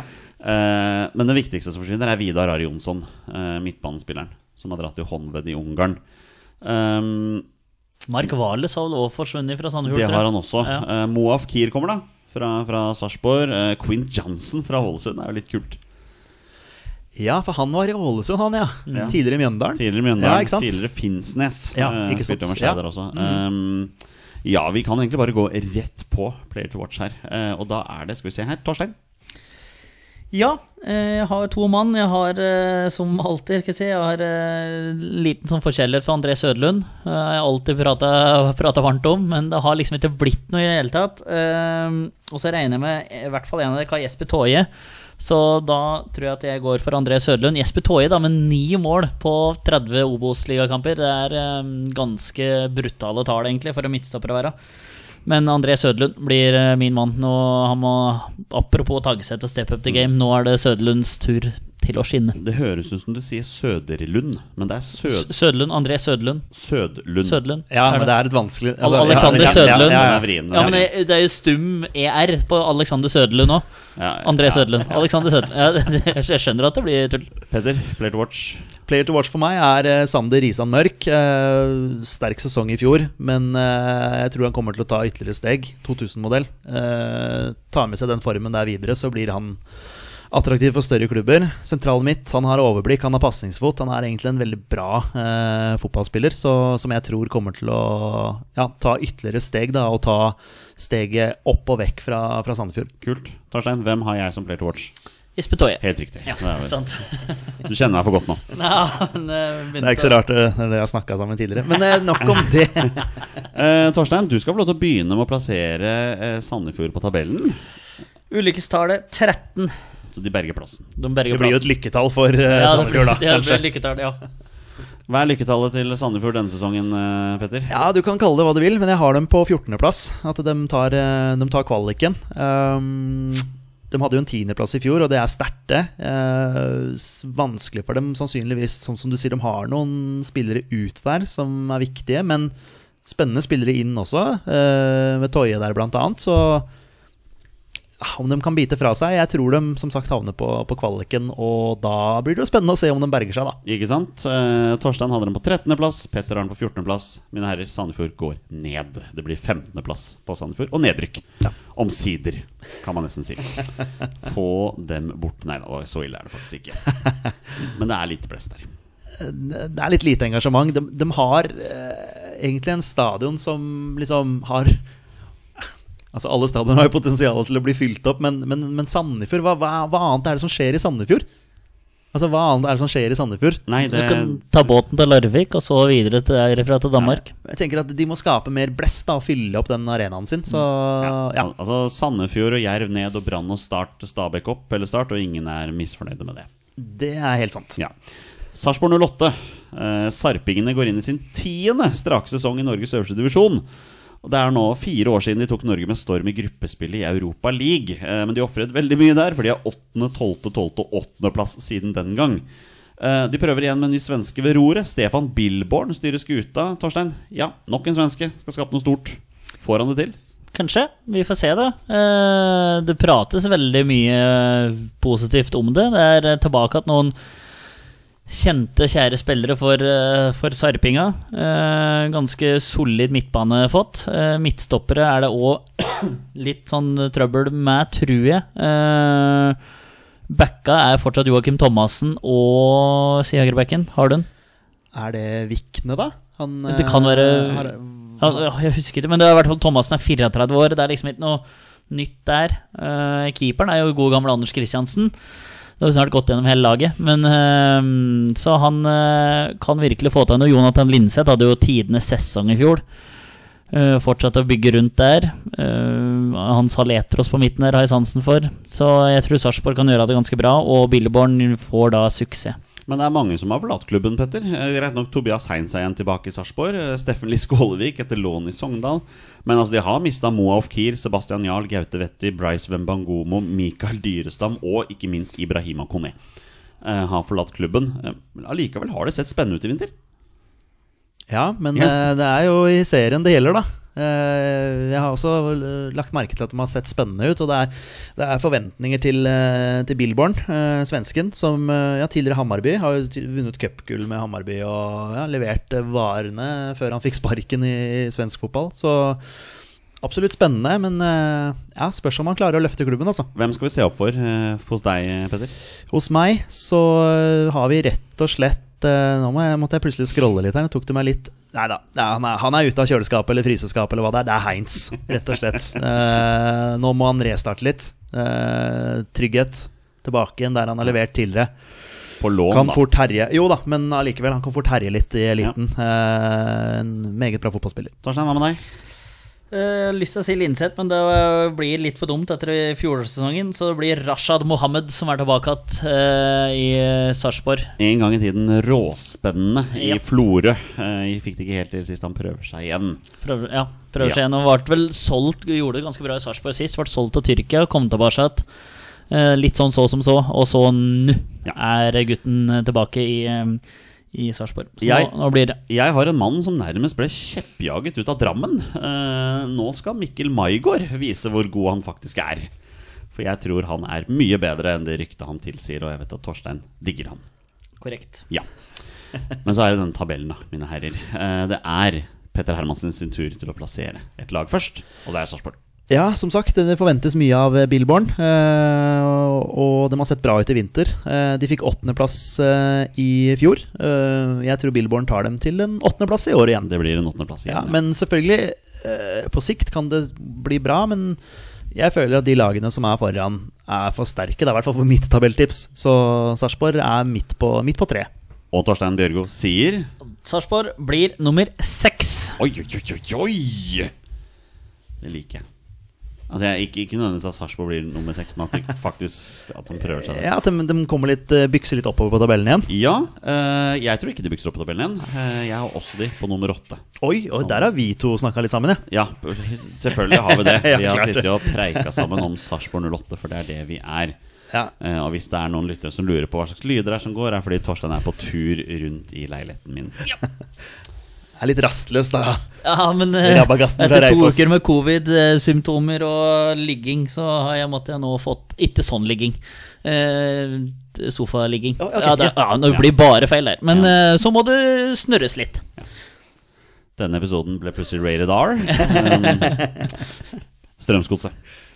Godset fra Drammen, det er ekte kjærlighet. 13, 11, 13 og 9. Det er de siste fire sesongene tabellplasseringen for Strømsgodset. Som igjen går inn i en sesong hvor fansen sliter med tillit til de som styrer skuta. Det begynner å bli en stund siden Marienlyst virkelig var en fryktet arena, Petter. Hva er galt i Drammen?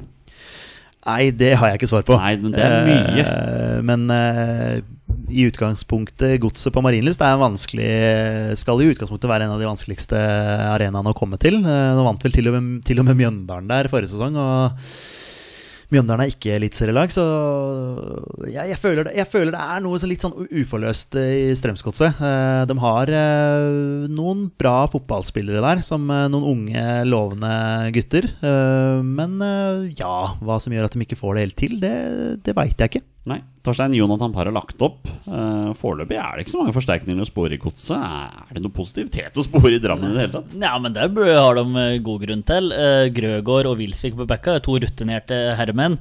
Gustav Walsvik skal styre midtstopperskuta der. Uh, Stengel på midten Uh, med Gulliksen og han Kresnit Kresnit Kresni, Krasniki, ja, det er noen bokstaver der som jeg stokker litt, men eh, Han er spennende. ja, der skal det være noen midtbanegutter som kan styre skuta. Og så har du Fred Friday og Salvesen på topp, så det er mer enn nok med rutinerte gutter. Haldor, Haldor Stenevik har jeg ikke nevnt. Så det er um, nok til spennende guttebasser som kan uh, løfte Strømsgods opp, og, uh, opp og fram her, altså.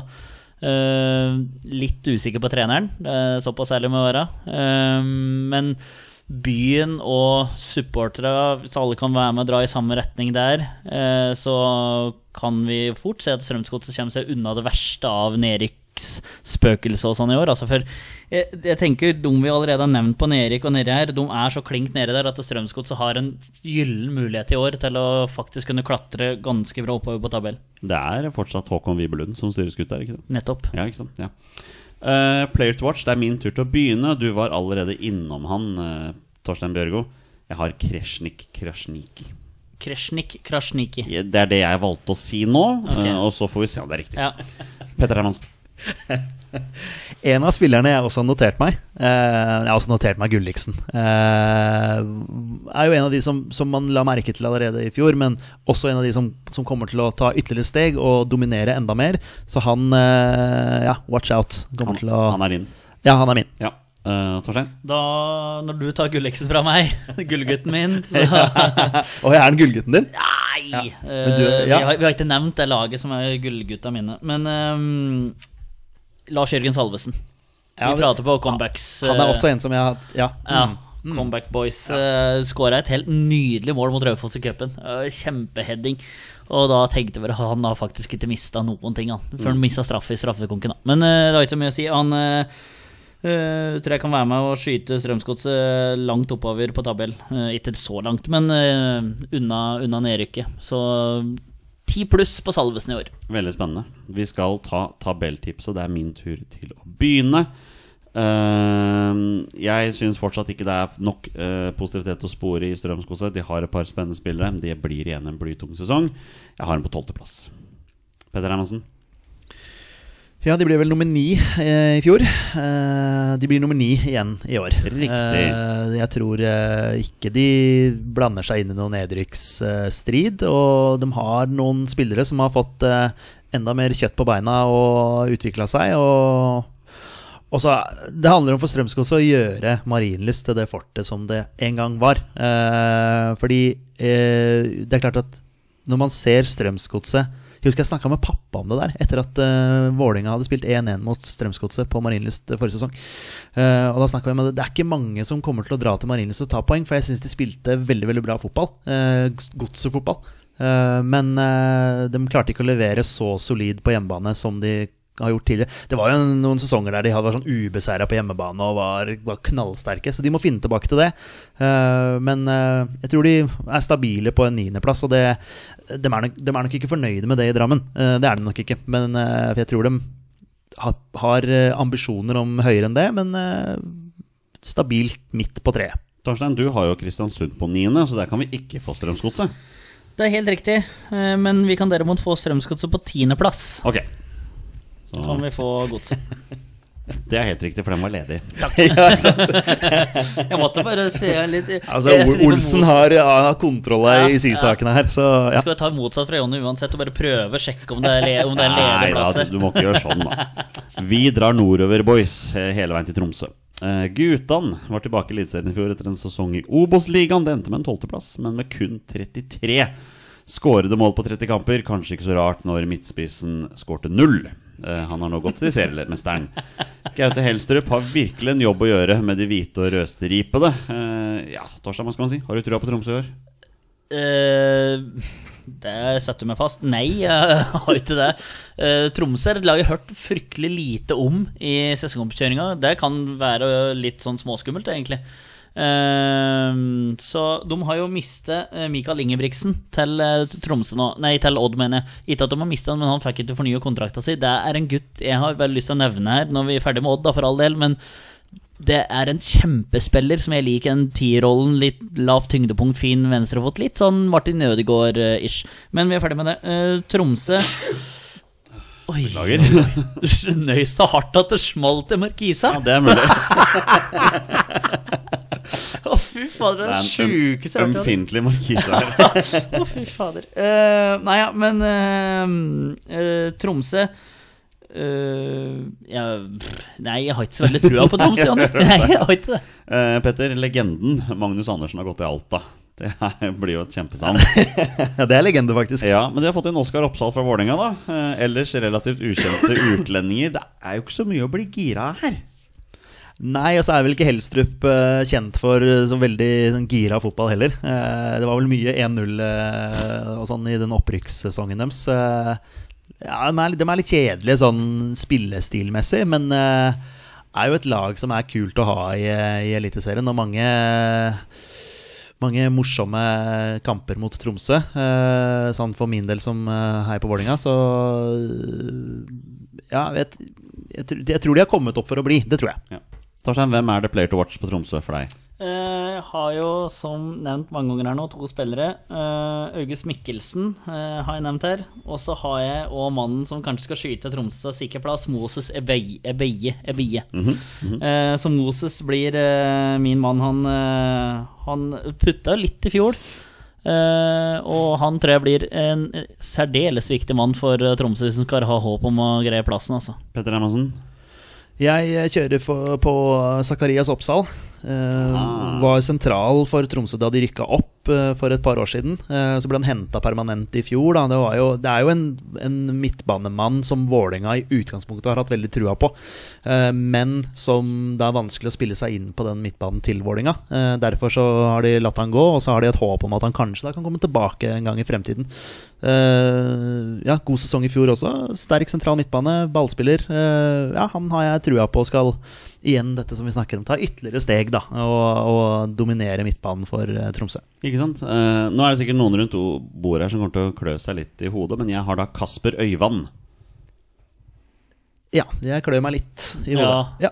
Og det, det er egentlig utelukkende basert på at han var veldig god mot Skeid for to år siden. Han spilte for Tromsdalen, og så ble han henta til Tromsø i fjor, og han kun fikk seks kamper.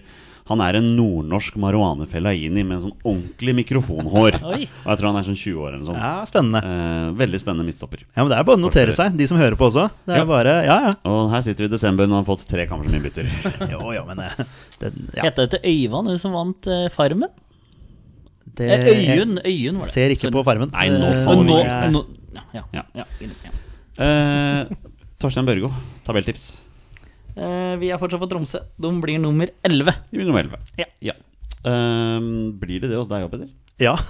Ja, ikke sant? faktisk. Ja, de, ja, de ble nummer tolv i fjor. Eh, Ja. Tror de blir nummer elleve i år. ja. Ja.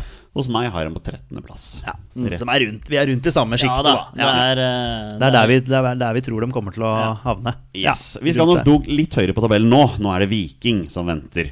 Eh, og Viking har jo for alvor blitt et lag å regne med. Bronse i fjor, sjette- og femteplass i årene før etter et bitte lite opphold i Obos-ligaen. Uh, trenerduoen Morten Jensen og Bjarte Lund Årsheim Jeg er jo egentlig skeptisk til trenerduoer, men det viser seg å funke. Disponerer det må jeg si, et svært spennende mannskap, og det er virkelig fotballfeber i byen. Og så er det stort viss her, og det heter Veton Berisha, Petter. Ja, som vi nevnte i stad, vi spiller inn to dager før overgangsvinduet stenger. Det Det, kan skje noe der. Det har vært interesse fra, fra Sverige, og vi vet jo også at eh, Molde har vært interessert. Det skjer nok ikke. Altså, da blir Veton Berisha hata for resten av eh, livet sitt. For det, det, du går ikke internt fra en toppklubb til en annen toppklubb, kan du si. Eh, det ville vært et stort svik.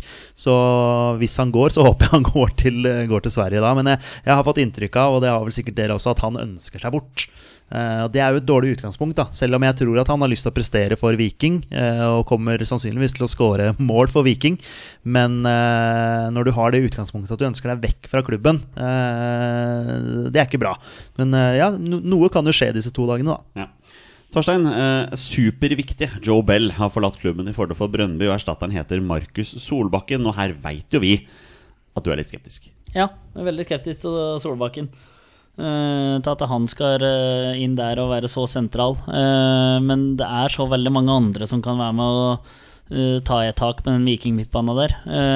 Så, men for all del, han kan har fått et par uker ekstra nå for å bli kjent med spillestil og spillere. Uh, så jeg sist jeg så den. Uh, Løkberg der blir en sentral mann. Eh, de, det er jo ja, to dager av overgangsvindu, så det kan fort kastes inn her, sjøl om jeg tviler veldig sterkt på det. Eh, jeg må si at tabelltipset mitt er basert på at jeg vet om Berisha blir der hele sesongen, og ikke at den forsvinner til sommeren òg. fordi resten av laget Altså med han, da, som er en 25 mann eh, mm, 25 mål mann, eh, er så vesentlig for det vikinglaget der. Og det er så mange spennende unggutter som allerede har hatt en, to, tre sesonger i Eliteserien og Obos.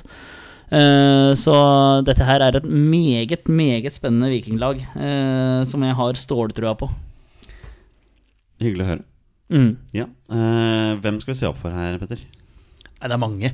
Ja, Ja. det er veldig mange. Ja, det, er de, de, det er som mange. Torstein sier, at de har et veldig veldig spennende lag. Eh, man la merke til eh, Nilsen Tangen eh, allerede forrige sesong. Eh, men eh, jeg tror han kommer til å bli en av de store spillerne denne sesongen. Eh, så jeg, har- jeg har notert meg han. Jeg har litt trua på Solbakken, jeg da, Torstein. Ja, jeg håper- jeg håper jo det jeg, jeg, tror det ligger noe litt sånn uforløst Mm, der. Eh, men men Nilsen Tangen er min mann.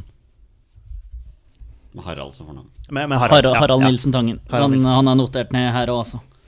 Vel, altså for, for meg er det helt obvious at det er Markus Solbakken som er player to watch her. Jeg, jeg tror han er så mye bedre enn det du tenker, Torstein. Mm. Og det er helt greit.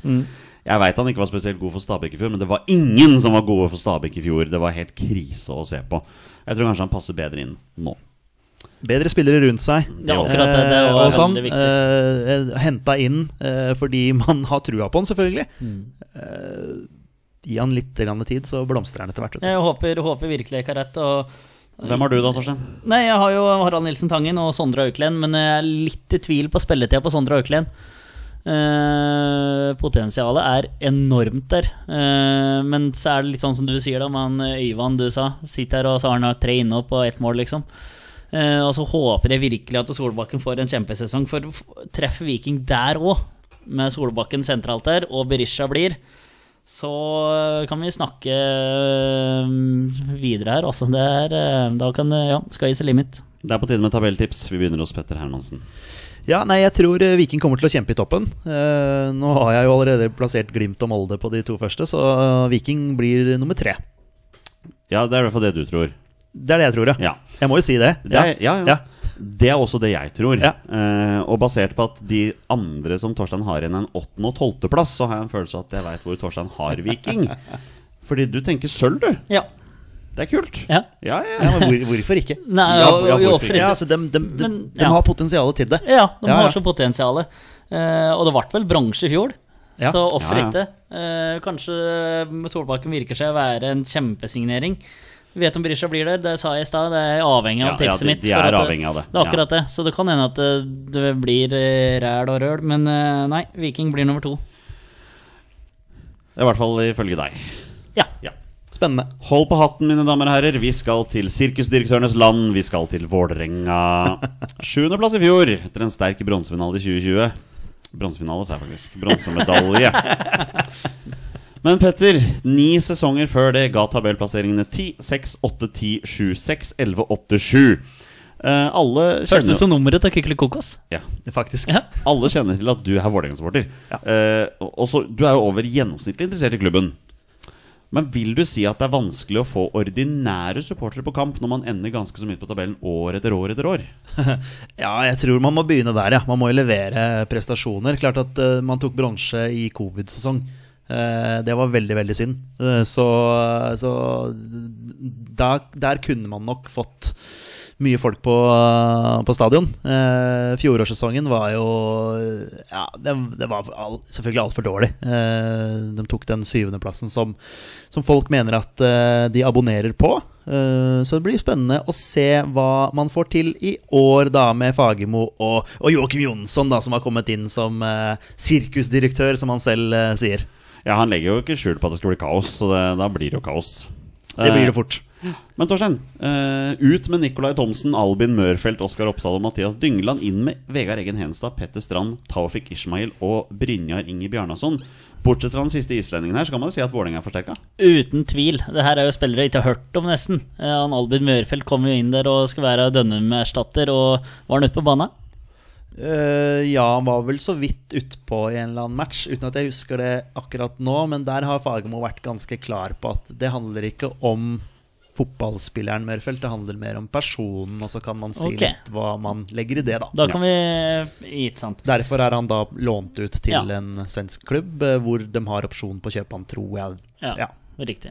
Så ja, uh, Vålerenga er forsterka. Eh, uten tvil. Bjørdal er en mann som alle som skal på litt Vålerenga-kamper, har veldig sansen for. Eh, og Petter Strand er litt min mann. Eh, endelig skal vi få se ham oftere på nært hold. Det tror jeg er kjempesignering. Det er et ordentlig knyttneveslag i trynet tre ganger at uh, Tiago Holm er ute. eh, I hvert fall uh, sannsynligvis halve sesongen. Borchgrevink har de på en måte visst om at det har vært ute, så det har nesten vært litt sånn forventa. Men uh, Tiago Holm, den tror jeg, den tror jeg svir, altså. Eh, så jeg er veldig spent. Uh, Lajoni skal tydeligvis over på andre sida, på kanten. Uh, Osama på venstre kanten der. Kjartansson har meldt at han skal putte opp mot 30. Kjell Johan, var det 20? Jeg vet ikke, mellom der. Jeg, jeg tror vi starter på 20. Jeg Altså. tror vi starter på, jeg tror vi starter på 20. 10 altså. kanskje. Men hvis da han finner tilbake at og kan putte opp mot 20, 20 pluss, så kan vi begynne å prate om uh, Vålerenga som virkelig en eh, medaljekandidat. Altså. Så er det på tide med dette her player to watch, da og ifølge rekkefølgen så er det min tur til å begynne. Og det er jo alltid ja, det er, er jo en og annen i Vålerenga man kan velge ut, men det er kanskje noen som blir litt overrasket over mitt valg her. For det er en spiller som i Dæven steike, potensialet er så høyt at hjelpe meg, Petter. Jeg ser på deg, for du er jo Vålerenga-sporter, men jeg har da valgt Jakob Dikko Eng. Dæven steike. Han er jo lyngutt, det er jo ikke noen tvil om det, men han ser spennende ut, altså. Absolutt. absolutt Eh, Så han eh, spesielt i eh, cupkamp mot Ullern der. Da var han veldig god. Det er jo selvfølgelig et litt, lavere nivå, selv om Vålerenga gjorde en jævlig dårlig kamp. Men han har en sånn X-faktor. Litt sånn uredd og sånn, så jeg støtter den, altså. Det er en bra, bra spiller, det. Og hvem er din? Du, jeg har tatt Ishmael, jeg. Eh, jeg har sett han litt i oppkjøringa nå. Uh, one to watch. Altså, han er jo en som du har lyst til å dra på stadion og se på. Uh, han hadde noen finter der mot Stabæk hvor han sendte de Stabæk-spillerne opp i pølsebua. Altså, det var ordentlig moro å se på. Han, eh, det blir spennende. Han er jo i utgangspunktet på lån fram til eller, halve sesongen, da, men han har vært åpen for å forlenge, og det har også Vålerenga vært, så vi får se hva som skjer der. Men, men han er åpenbart en spiller som, som, som har den X-faktoren, og som kan, eh, kan skape litt kaos eh, på den kanten der. En av de mest frustrerende spillerne som har spilt for Skeid noensinne. For du visste aldri hvor du hadde den, men det er da to år sia. Torstein? Eh, Jeg førte jo med på Obos i fjor, og da var det en venstrekant på Fredrikstad som heter Talfik Ishmael. Eh, Han herja altså så med det Raufoss-gjengen at Fredrikstad ikke vant eh, mer enn 1-0. Han var til selvsagt matchvinner etter, etter et soloraid. Eh, han var helt vanvittig god. Jeg har sett noen høydepunkter, men du har selvsagt mye mer innsikt her, Petter. Men når du òg sier han, så føler jeg meg trygg på valget mitt, egentlig. Jeg er Eh, overraska over at ikke du sier Petter Strand. Ja, men han er ja, jeg Altså, har, jeg har ta du elsker jo Petter Strand. Ja, Du har snakka om Petter Strand i mange, mange år. Ja, men han har jo levert såpass det Ja, men ikke for Vålinga Nei, men han har levert på Brann og Det er jo ingen som Molde. leverer for Vålinga Nei, han har levert på Brann og, og, og, eh, og eh, Molde. Så han føler jeg var litt for velkjent Ja. til at jeg kunne ta han. Uh, Ishmael er, er, en, er min mann. Så er dette tabelltipset, da. Det er, det er min tur til å begynne. Jeg tror faktisk ikke at Vålerenga tar syvendeplassen. Jeg tror de tar femteplassen i år. De, de ser rett og slett sterkere ut. øh, Og så lenge supporterne snart slutter med den sutringa over at alle lag legger seg bakpå mot, mot Intility, og at de faktisk begynner å spille som et lag som, hvor motstanderen legger seg bakpå, så kan det bli bra. Ja, det handler jo om å utvikle seg. da Yep. Se på Glimt. ikke sant De fleste legger seg jo mot Glimt nå, Mm. men allikevel klarer de å komme seg gjennom. Så det er der Vålinga må ta, ta steg. da Yes. Det er din tur, Petter. Jeg har dem også på femteplass. Ja. Eh, Vålinga må ta femteplass. Altså, Vålinga er nødt til det. Eh, Fagermo er nødt til det. Eh, han sier at eh, forrige sesongen var der, der valgte han heller å satse på unge spillere. Vålerenga hadde det yngste laget i Eliteserien i fjor. Eh, han valgte heller å bruke unggutta, så de skulle få eh, en mer eh, Altså at de skal være enda mer klar for denne sesongen her. Men har jo også nå henta flere rutinerte spillere. Eh, men, men Fagermo overlever ikke lenge i Vålinga hvis han driver og samler på syvende- og åttendeplasser rundt der. De, Vålinga må oppover på tabellen. Hvis de tar den femteplassen, ok, da har man i hvert fall byksa litt opp, og så får man bygge videre på det. Det er klart Vålinga skal, skal være i toppen av norsk fotball. Og de var ikke så langt unna femteplassen i fjor heller. Det er snakk om marginer. De var ikke det, og, og de er vel, var vel det laget i eliten i fjor som slapp inn nest minst mål, tror jeg, hvis ikke jeg husker helt feil. Så, så det defensive har de jo eh, på plass, men de må jo begynne å skåre, da. Og de må jo få i gang Kjartansson. Så det, man er avhengig av det, da. Ja. Torstein, du var jo enig i at Vålerenga er forsterket fra fjor, så da vil jeg tro at du har dem høyere enn syvendeplass. Eh, nei, det har jo ikke, det er ikke mer plass eh, på gutta oppover her. Eh, nei, eh, jeg har jeg vil lyst til at jeg skal ta feil, for du skal jo følge litt med på laget når den bor i byen. Men eh, eh, hvis liksom Vålerenga kommer skjevt ut, så tror jeg det kan fort bli så mye sure eh, huer nede på Valle der. Og Fagermo er ikke en mann du vil ha med deg når det går imot, tror jeg i hvert fall ikke nå på tredje sesongen. Eh, hvis han òg ser at dette begynner å gå ganske skeis mot sommeren, så vet jeg Da blir presset ganske intensivt på Valle, og Vålerenga blir da på åttendeplass på mitt tips. Jeg håper jeg har feil, fordi som Petter sa, Vålerenga må ha minst femteplass. Men uh, ifølge tipset mitt så blir det ja, strek bortover. Blir tungt. Ja, Hvis han får åttendeplass, det blir blytungt. Altså, da er Fagermo ferdig. Altså, så enkelt er det. Altså, han kan ikke få mer tid nå. Nei. Det er på tide å avslutte med laget som ligger selvfølgelig nederst alfabetisk, og det er Ålesund. Uansett om det står med to a-er, så er det en Å, og der og nederst på tabellen. Tangotrøyene har vært eh, heislag nummer én de siste fem sesongene med fire opp- og nedrykk. Nå er de tilbake i Eliteserien etter andreplassen i Obos-ligaen i fjor. Lars Anne Nilsen er ved roret og styrer et mannskap hvor flere har forholdsvis god erfaring fra Eliteserien. Um, Torstein, er Ålesund synonymt med Eliteserien for deg? Nei, det er, det er det ikke. Men mer synonymt enn jerv. eh, Hvis du kan si det. Stakkars Hvis du kan- ja. Jo, men eh, Ja, men I Ålesund er det jo litt engasjement. Ja da, ja da, altså akkurat. fullsatt Color Line. eh, Potensialet ja. er enormt i Ålesund. Uh, ikke enormt, det er det ikke. Men det potensialet er der i Ålesund. Uh, til Har jo vært ute i Europa. ja, men det var med Kjetil Reknet. Ja da, Ja da. der har du han igjen. Ja. Så, Han, lever, han leverer, han. Ja, han leverer. Uh, nei da, men uh, Hva spurte du om? Om eh, Ålesund er synonymt med Eliteserien for deg? Nei. Nei.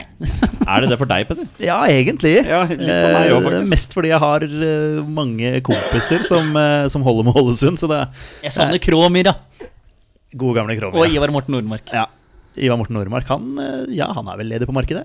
Hvis, hvis Fagermo forsvinner. med Vålerenga trengte Tenk deg Ivar Morten Nordmark og Joakim Jonsson i uh, Og kjære venn, kan hente tilbake og Tor Ågne Aare. og så blir Men det- er noen viktige spillere som har forsvunnet her. Niklas Castro ble solgt til Brann i går. Uh, Jonas Grønner har trappa ned. Spiller på fjerdedivisjonsnivå eller noe sånt. Uh, Fredrik Karlsen har lagt opp. Andreas Lie har lagt opp. Det er jo veldig hyggelig da at sjølveste Sten Grytebust har kommet hjem. Og så har de henta Jeppe Mo fra Stabæk. Arktander? Jeppe Arktander en, var en favoritt hos meg lenge. da Så var det disse skadene som kom. Han skal spille elit- eliteseriefotball, det skal ikke Stabæk. Men Grytebuss blir viktig. Ja, altså Han må jo stå kjempebra hvis de skal eh, få noe ut av dette her. Mm, absolutt. de, ja. Eh, men det er Torstein som har Player to Watch her først. Ja, eh, Dette her er jo skrevet for et par dager siden, så jeg har jo Niklas Kastro. Det er morsomt. det er morsomt Skal vi se Niklas eh, Castro. ja, jeg tror ikke du får så mange poeng Nei på da. den. Nei da. Men jeg hadde Du kan, har jo, du kan jo ta den når vi kommer til Brann. Eh, Petter. Oh. Er, er det ikke 17 lag i er Eliteserien? 17 lag i Nei, Eliteserien. nei, ok. Sorry, sorry Brann og Bergen.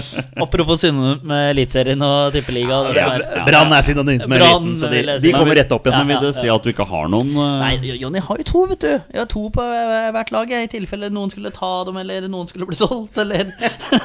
Alltid forberedt, alt, Torstein. alt er forberedt. Så det er Jonas Grønner den andre, da. Nå skal du høre her. Kristoffer Barmen Oi, er min oi, player to watch. Nå Det. Nå skal han tilbake igjen etter uh, nachspiel og festing og det som mer hørte til der, og løping over Brann eh, med litt av hvert med utstyr på seg. Så eh, nå, Kristoffer Barmen, nå er du min mann. Eh, I år blir hans sesong, og han blir særdeles viktig for dette Ålesund-laget. Petter. eh, Niklas Castro. Nei, han, eh, han er ikke på min liste. Jeg har faktisk tre spillere her, eh, så jeg er litt usikker på hvem av dem jeg skal velge. Um, du vet, en liten shout-out til eh, Lars Christian Ausnes, eh, Godøyas store sønn, som jeg har vært i samtale med her. Jeg vet at han skal høre på denne episoden, her, eller jeg vet at han hører på oss, så det er klart jeg må gi han en liten shout-out. Man må jo snakke med de kontaktene man har. Kikkan. Kikkan, Kikkan Ausnes. Jeg velger å gå for Nikolai Hopland, eh, som omtales som en Sander Berge Light. Eh, Det er ikke, det er ikke små ord. han er midtstopper slash defensiv midtbane. Eh, men så spørs det selvfølgelig med spilletid. da Er en spiller som har veldig ro med ballen, flink til å forsere ledd. Sander Berge Light. Eh, så har jeg velger meg Nikolai Hopland. aner ikke hvor mye spilletid han får. Nei. Men en spennende spiller. Det får du svar på i desember. Unggutt, 17 år. Oi, ok, såpass? Ja. Min eh, player to watch er en nykommer eh, på laget. En spiller som faktisk flere supportere fra hans eh, forrige lag mente han fikk for få sjanser i. Jeg snakker om Besim Serbesic fra Rosenborg, midtstopper som nå har gått til Ålesund. Jeg tror det kan vise seg å være et godt valg for ham, jeg tror det kan vise seg å være et godt valg for Ålesund. Viktig mann. Eh, Lars Erne Nilsen er jo ikke akkurat kjent for å spille feiende flott angrepsfotball. Sånn i utgangspunktet Så man må jo sette det defensive. Eh, Jeppe Mo, som du sier. Grytebust. Serbesic. Ja da. ja da Mm. Kan eh, få noen clean sheets der innimellom eh, ÅFK, kanskje. Torstein, eh, nå, nå er det jo bare én ledig plass på tabellen, så jeg veit jo hvor du har plassert Ålesund, men du kan jo få lov til å si det sjøl. Nei, men det er litt sånn som Lars Arne Nei, Lars Arne, litt sånn som Petter sier. At han er defensiv trygghet. Når Brann rykka opp, så gikk de rett opp og tok bronsemedalje. Og jeg har ikke tall på hvor mange det ble. 1-0, 2-0. Kanskje vi frista oss opp på 3-0. eh, 0-0. eh, Knepne tap. Satte det defensive. Så denne målforskjellen og eh, Ålesund kommer til å ende opp med på tolvteplass, er ganske, den kommer til å være ganske lik. Sånn 30-30, 32-28. Altså der. Eh, han kommer til å sette det defensive. Kommer til å eh, være bunnsolid bakover der. Dette tror jeg er et perfekt lag for eh, Lars Arne Nilsen å drive og fikle litt med. Eh, og nå har han vært der i ett år, ett og et halvt år. Eh, nå er jeg litt usikker, faktisk. Ja. Ja. Han har i hvert fall vært der litt.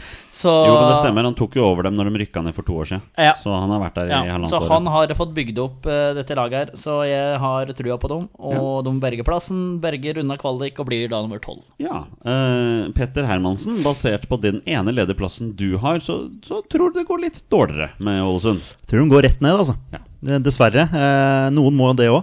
det er jo Når man setter opp eliteserietipset, så er det jo Du setter opp ja, Kanskje den første jeg starta med, var Jerv nederst. Jeg satte Glimt øverst. Og så er det nesten som man lukker øya og kaster ut lag. Eh, I hvert fall de midt på tabellen og sånn.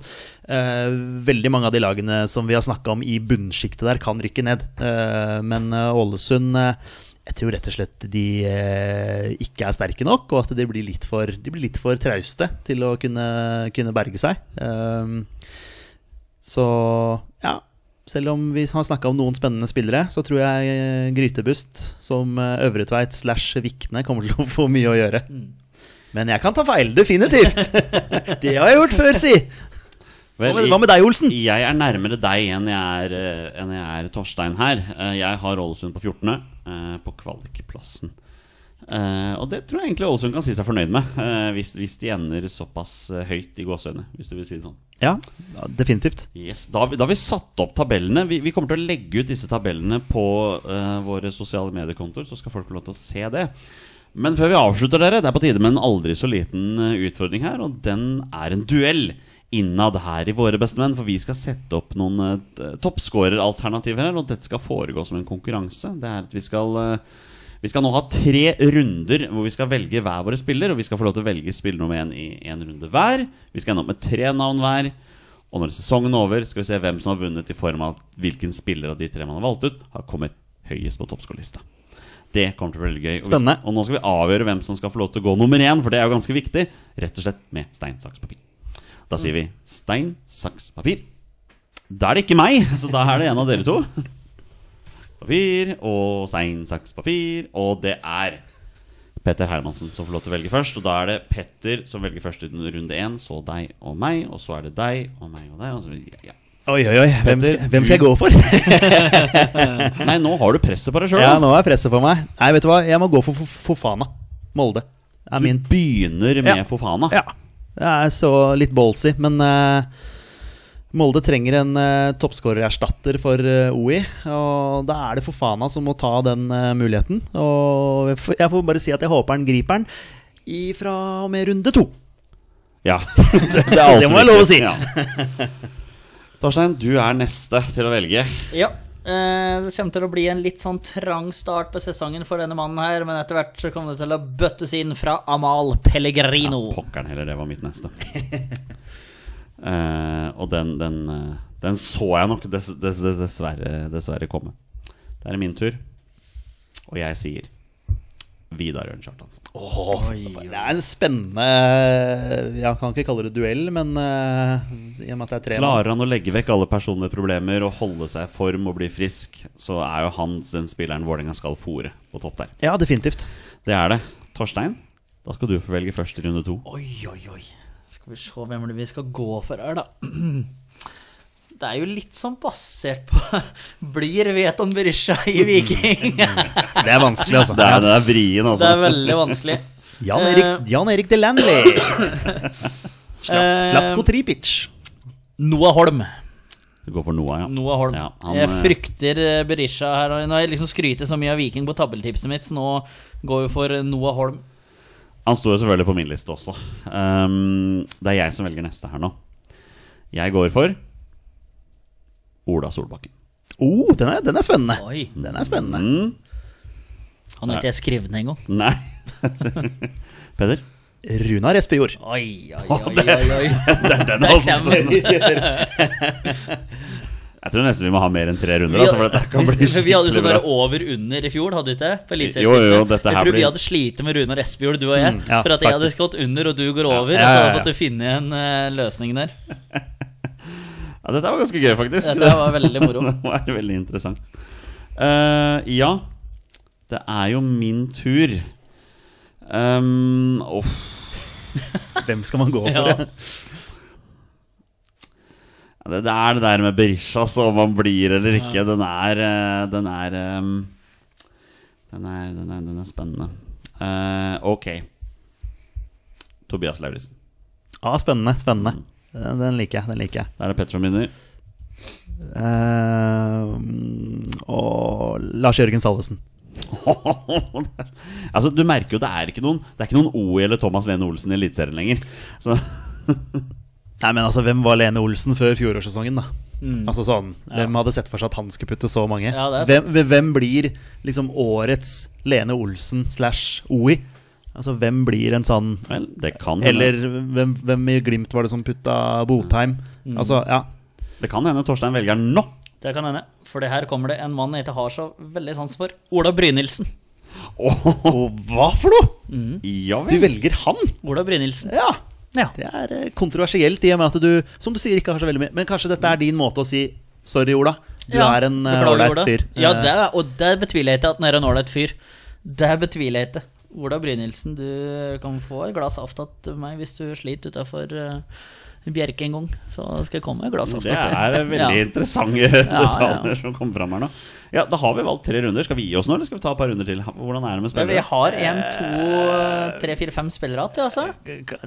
Petter begynner å bli tom. ta, to, ta to runder til, To runder til. To runder til? Ja, Hvis det er innafor. Det er helt greit. Da er det du som velger først, Petter. Sigurd Haugen, Ålesund. Ai, ai, oi, oi, den. Altså, noen må jo score for Ålesund, Ja, ja, ja. Eh, så han kan være en mann som eh, kan, Ja. kan putte. Om han er en av dine da som, som putter såpass mange. Ja, vi får se. Ja. Torstein Børgo. Fred Friday. Å, den er fin!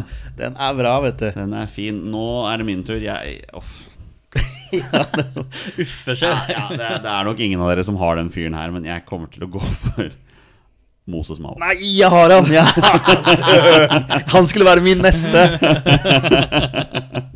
All right, da har vi én runde igjen. Eh, Torstein, det er du som får lov til nå står jeg mellom to navn her. Jeg står egentlig mellom tre, men det blir ikke Bryan Fiabema. Han eh, fjerner vi. Det står mellom om vi skal til Hamar en tur. Hva sa Christian Eriksen? Litt av Eriksen eller- der. Og jeg har lyst til å si det, vet du. Vet om Berisha. Der kom den. Vet om Berisha. Du klinker til. Nå vet om Berisha. Ja, Nå har det ruga for lenge på den. Absurd at vi venta så lenge, men det er jo, vi skjønner jo hvorfor. Ja, Ja, den, den er så vanskelig, den der. Ja, Ja, synes den jeg, men er nå det. kunne jeg ikke vente. Forsvinner han ikke nå, så forsvinner han til sommeren. Ja. Men hvis Viking leder serien, for eksempel, da, Ja. hva vil han tenke da? Det er så mye sånne ting som spiller inn også. Ja, ja. Mitt siste navn er nok også en spiller som ikke veldig mange forbinder med målskåret, men altså Jeg tror Noah Holm feiler. Carlo Holse. Ja. Tror jeg, tror jeg ja, ja. litt mål. ja, ja, ja. Han er eh, Ja, Ja. Og da, da får du avslutte, Petter. veldig, veldig spennende. Ja, skal vi se på lista her, da, hvem jeg skal gå for denne gangen.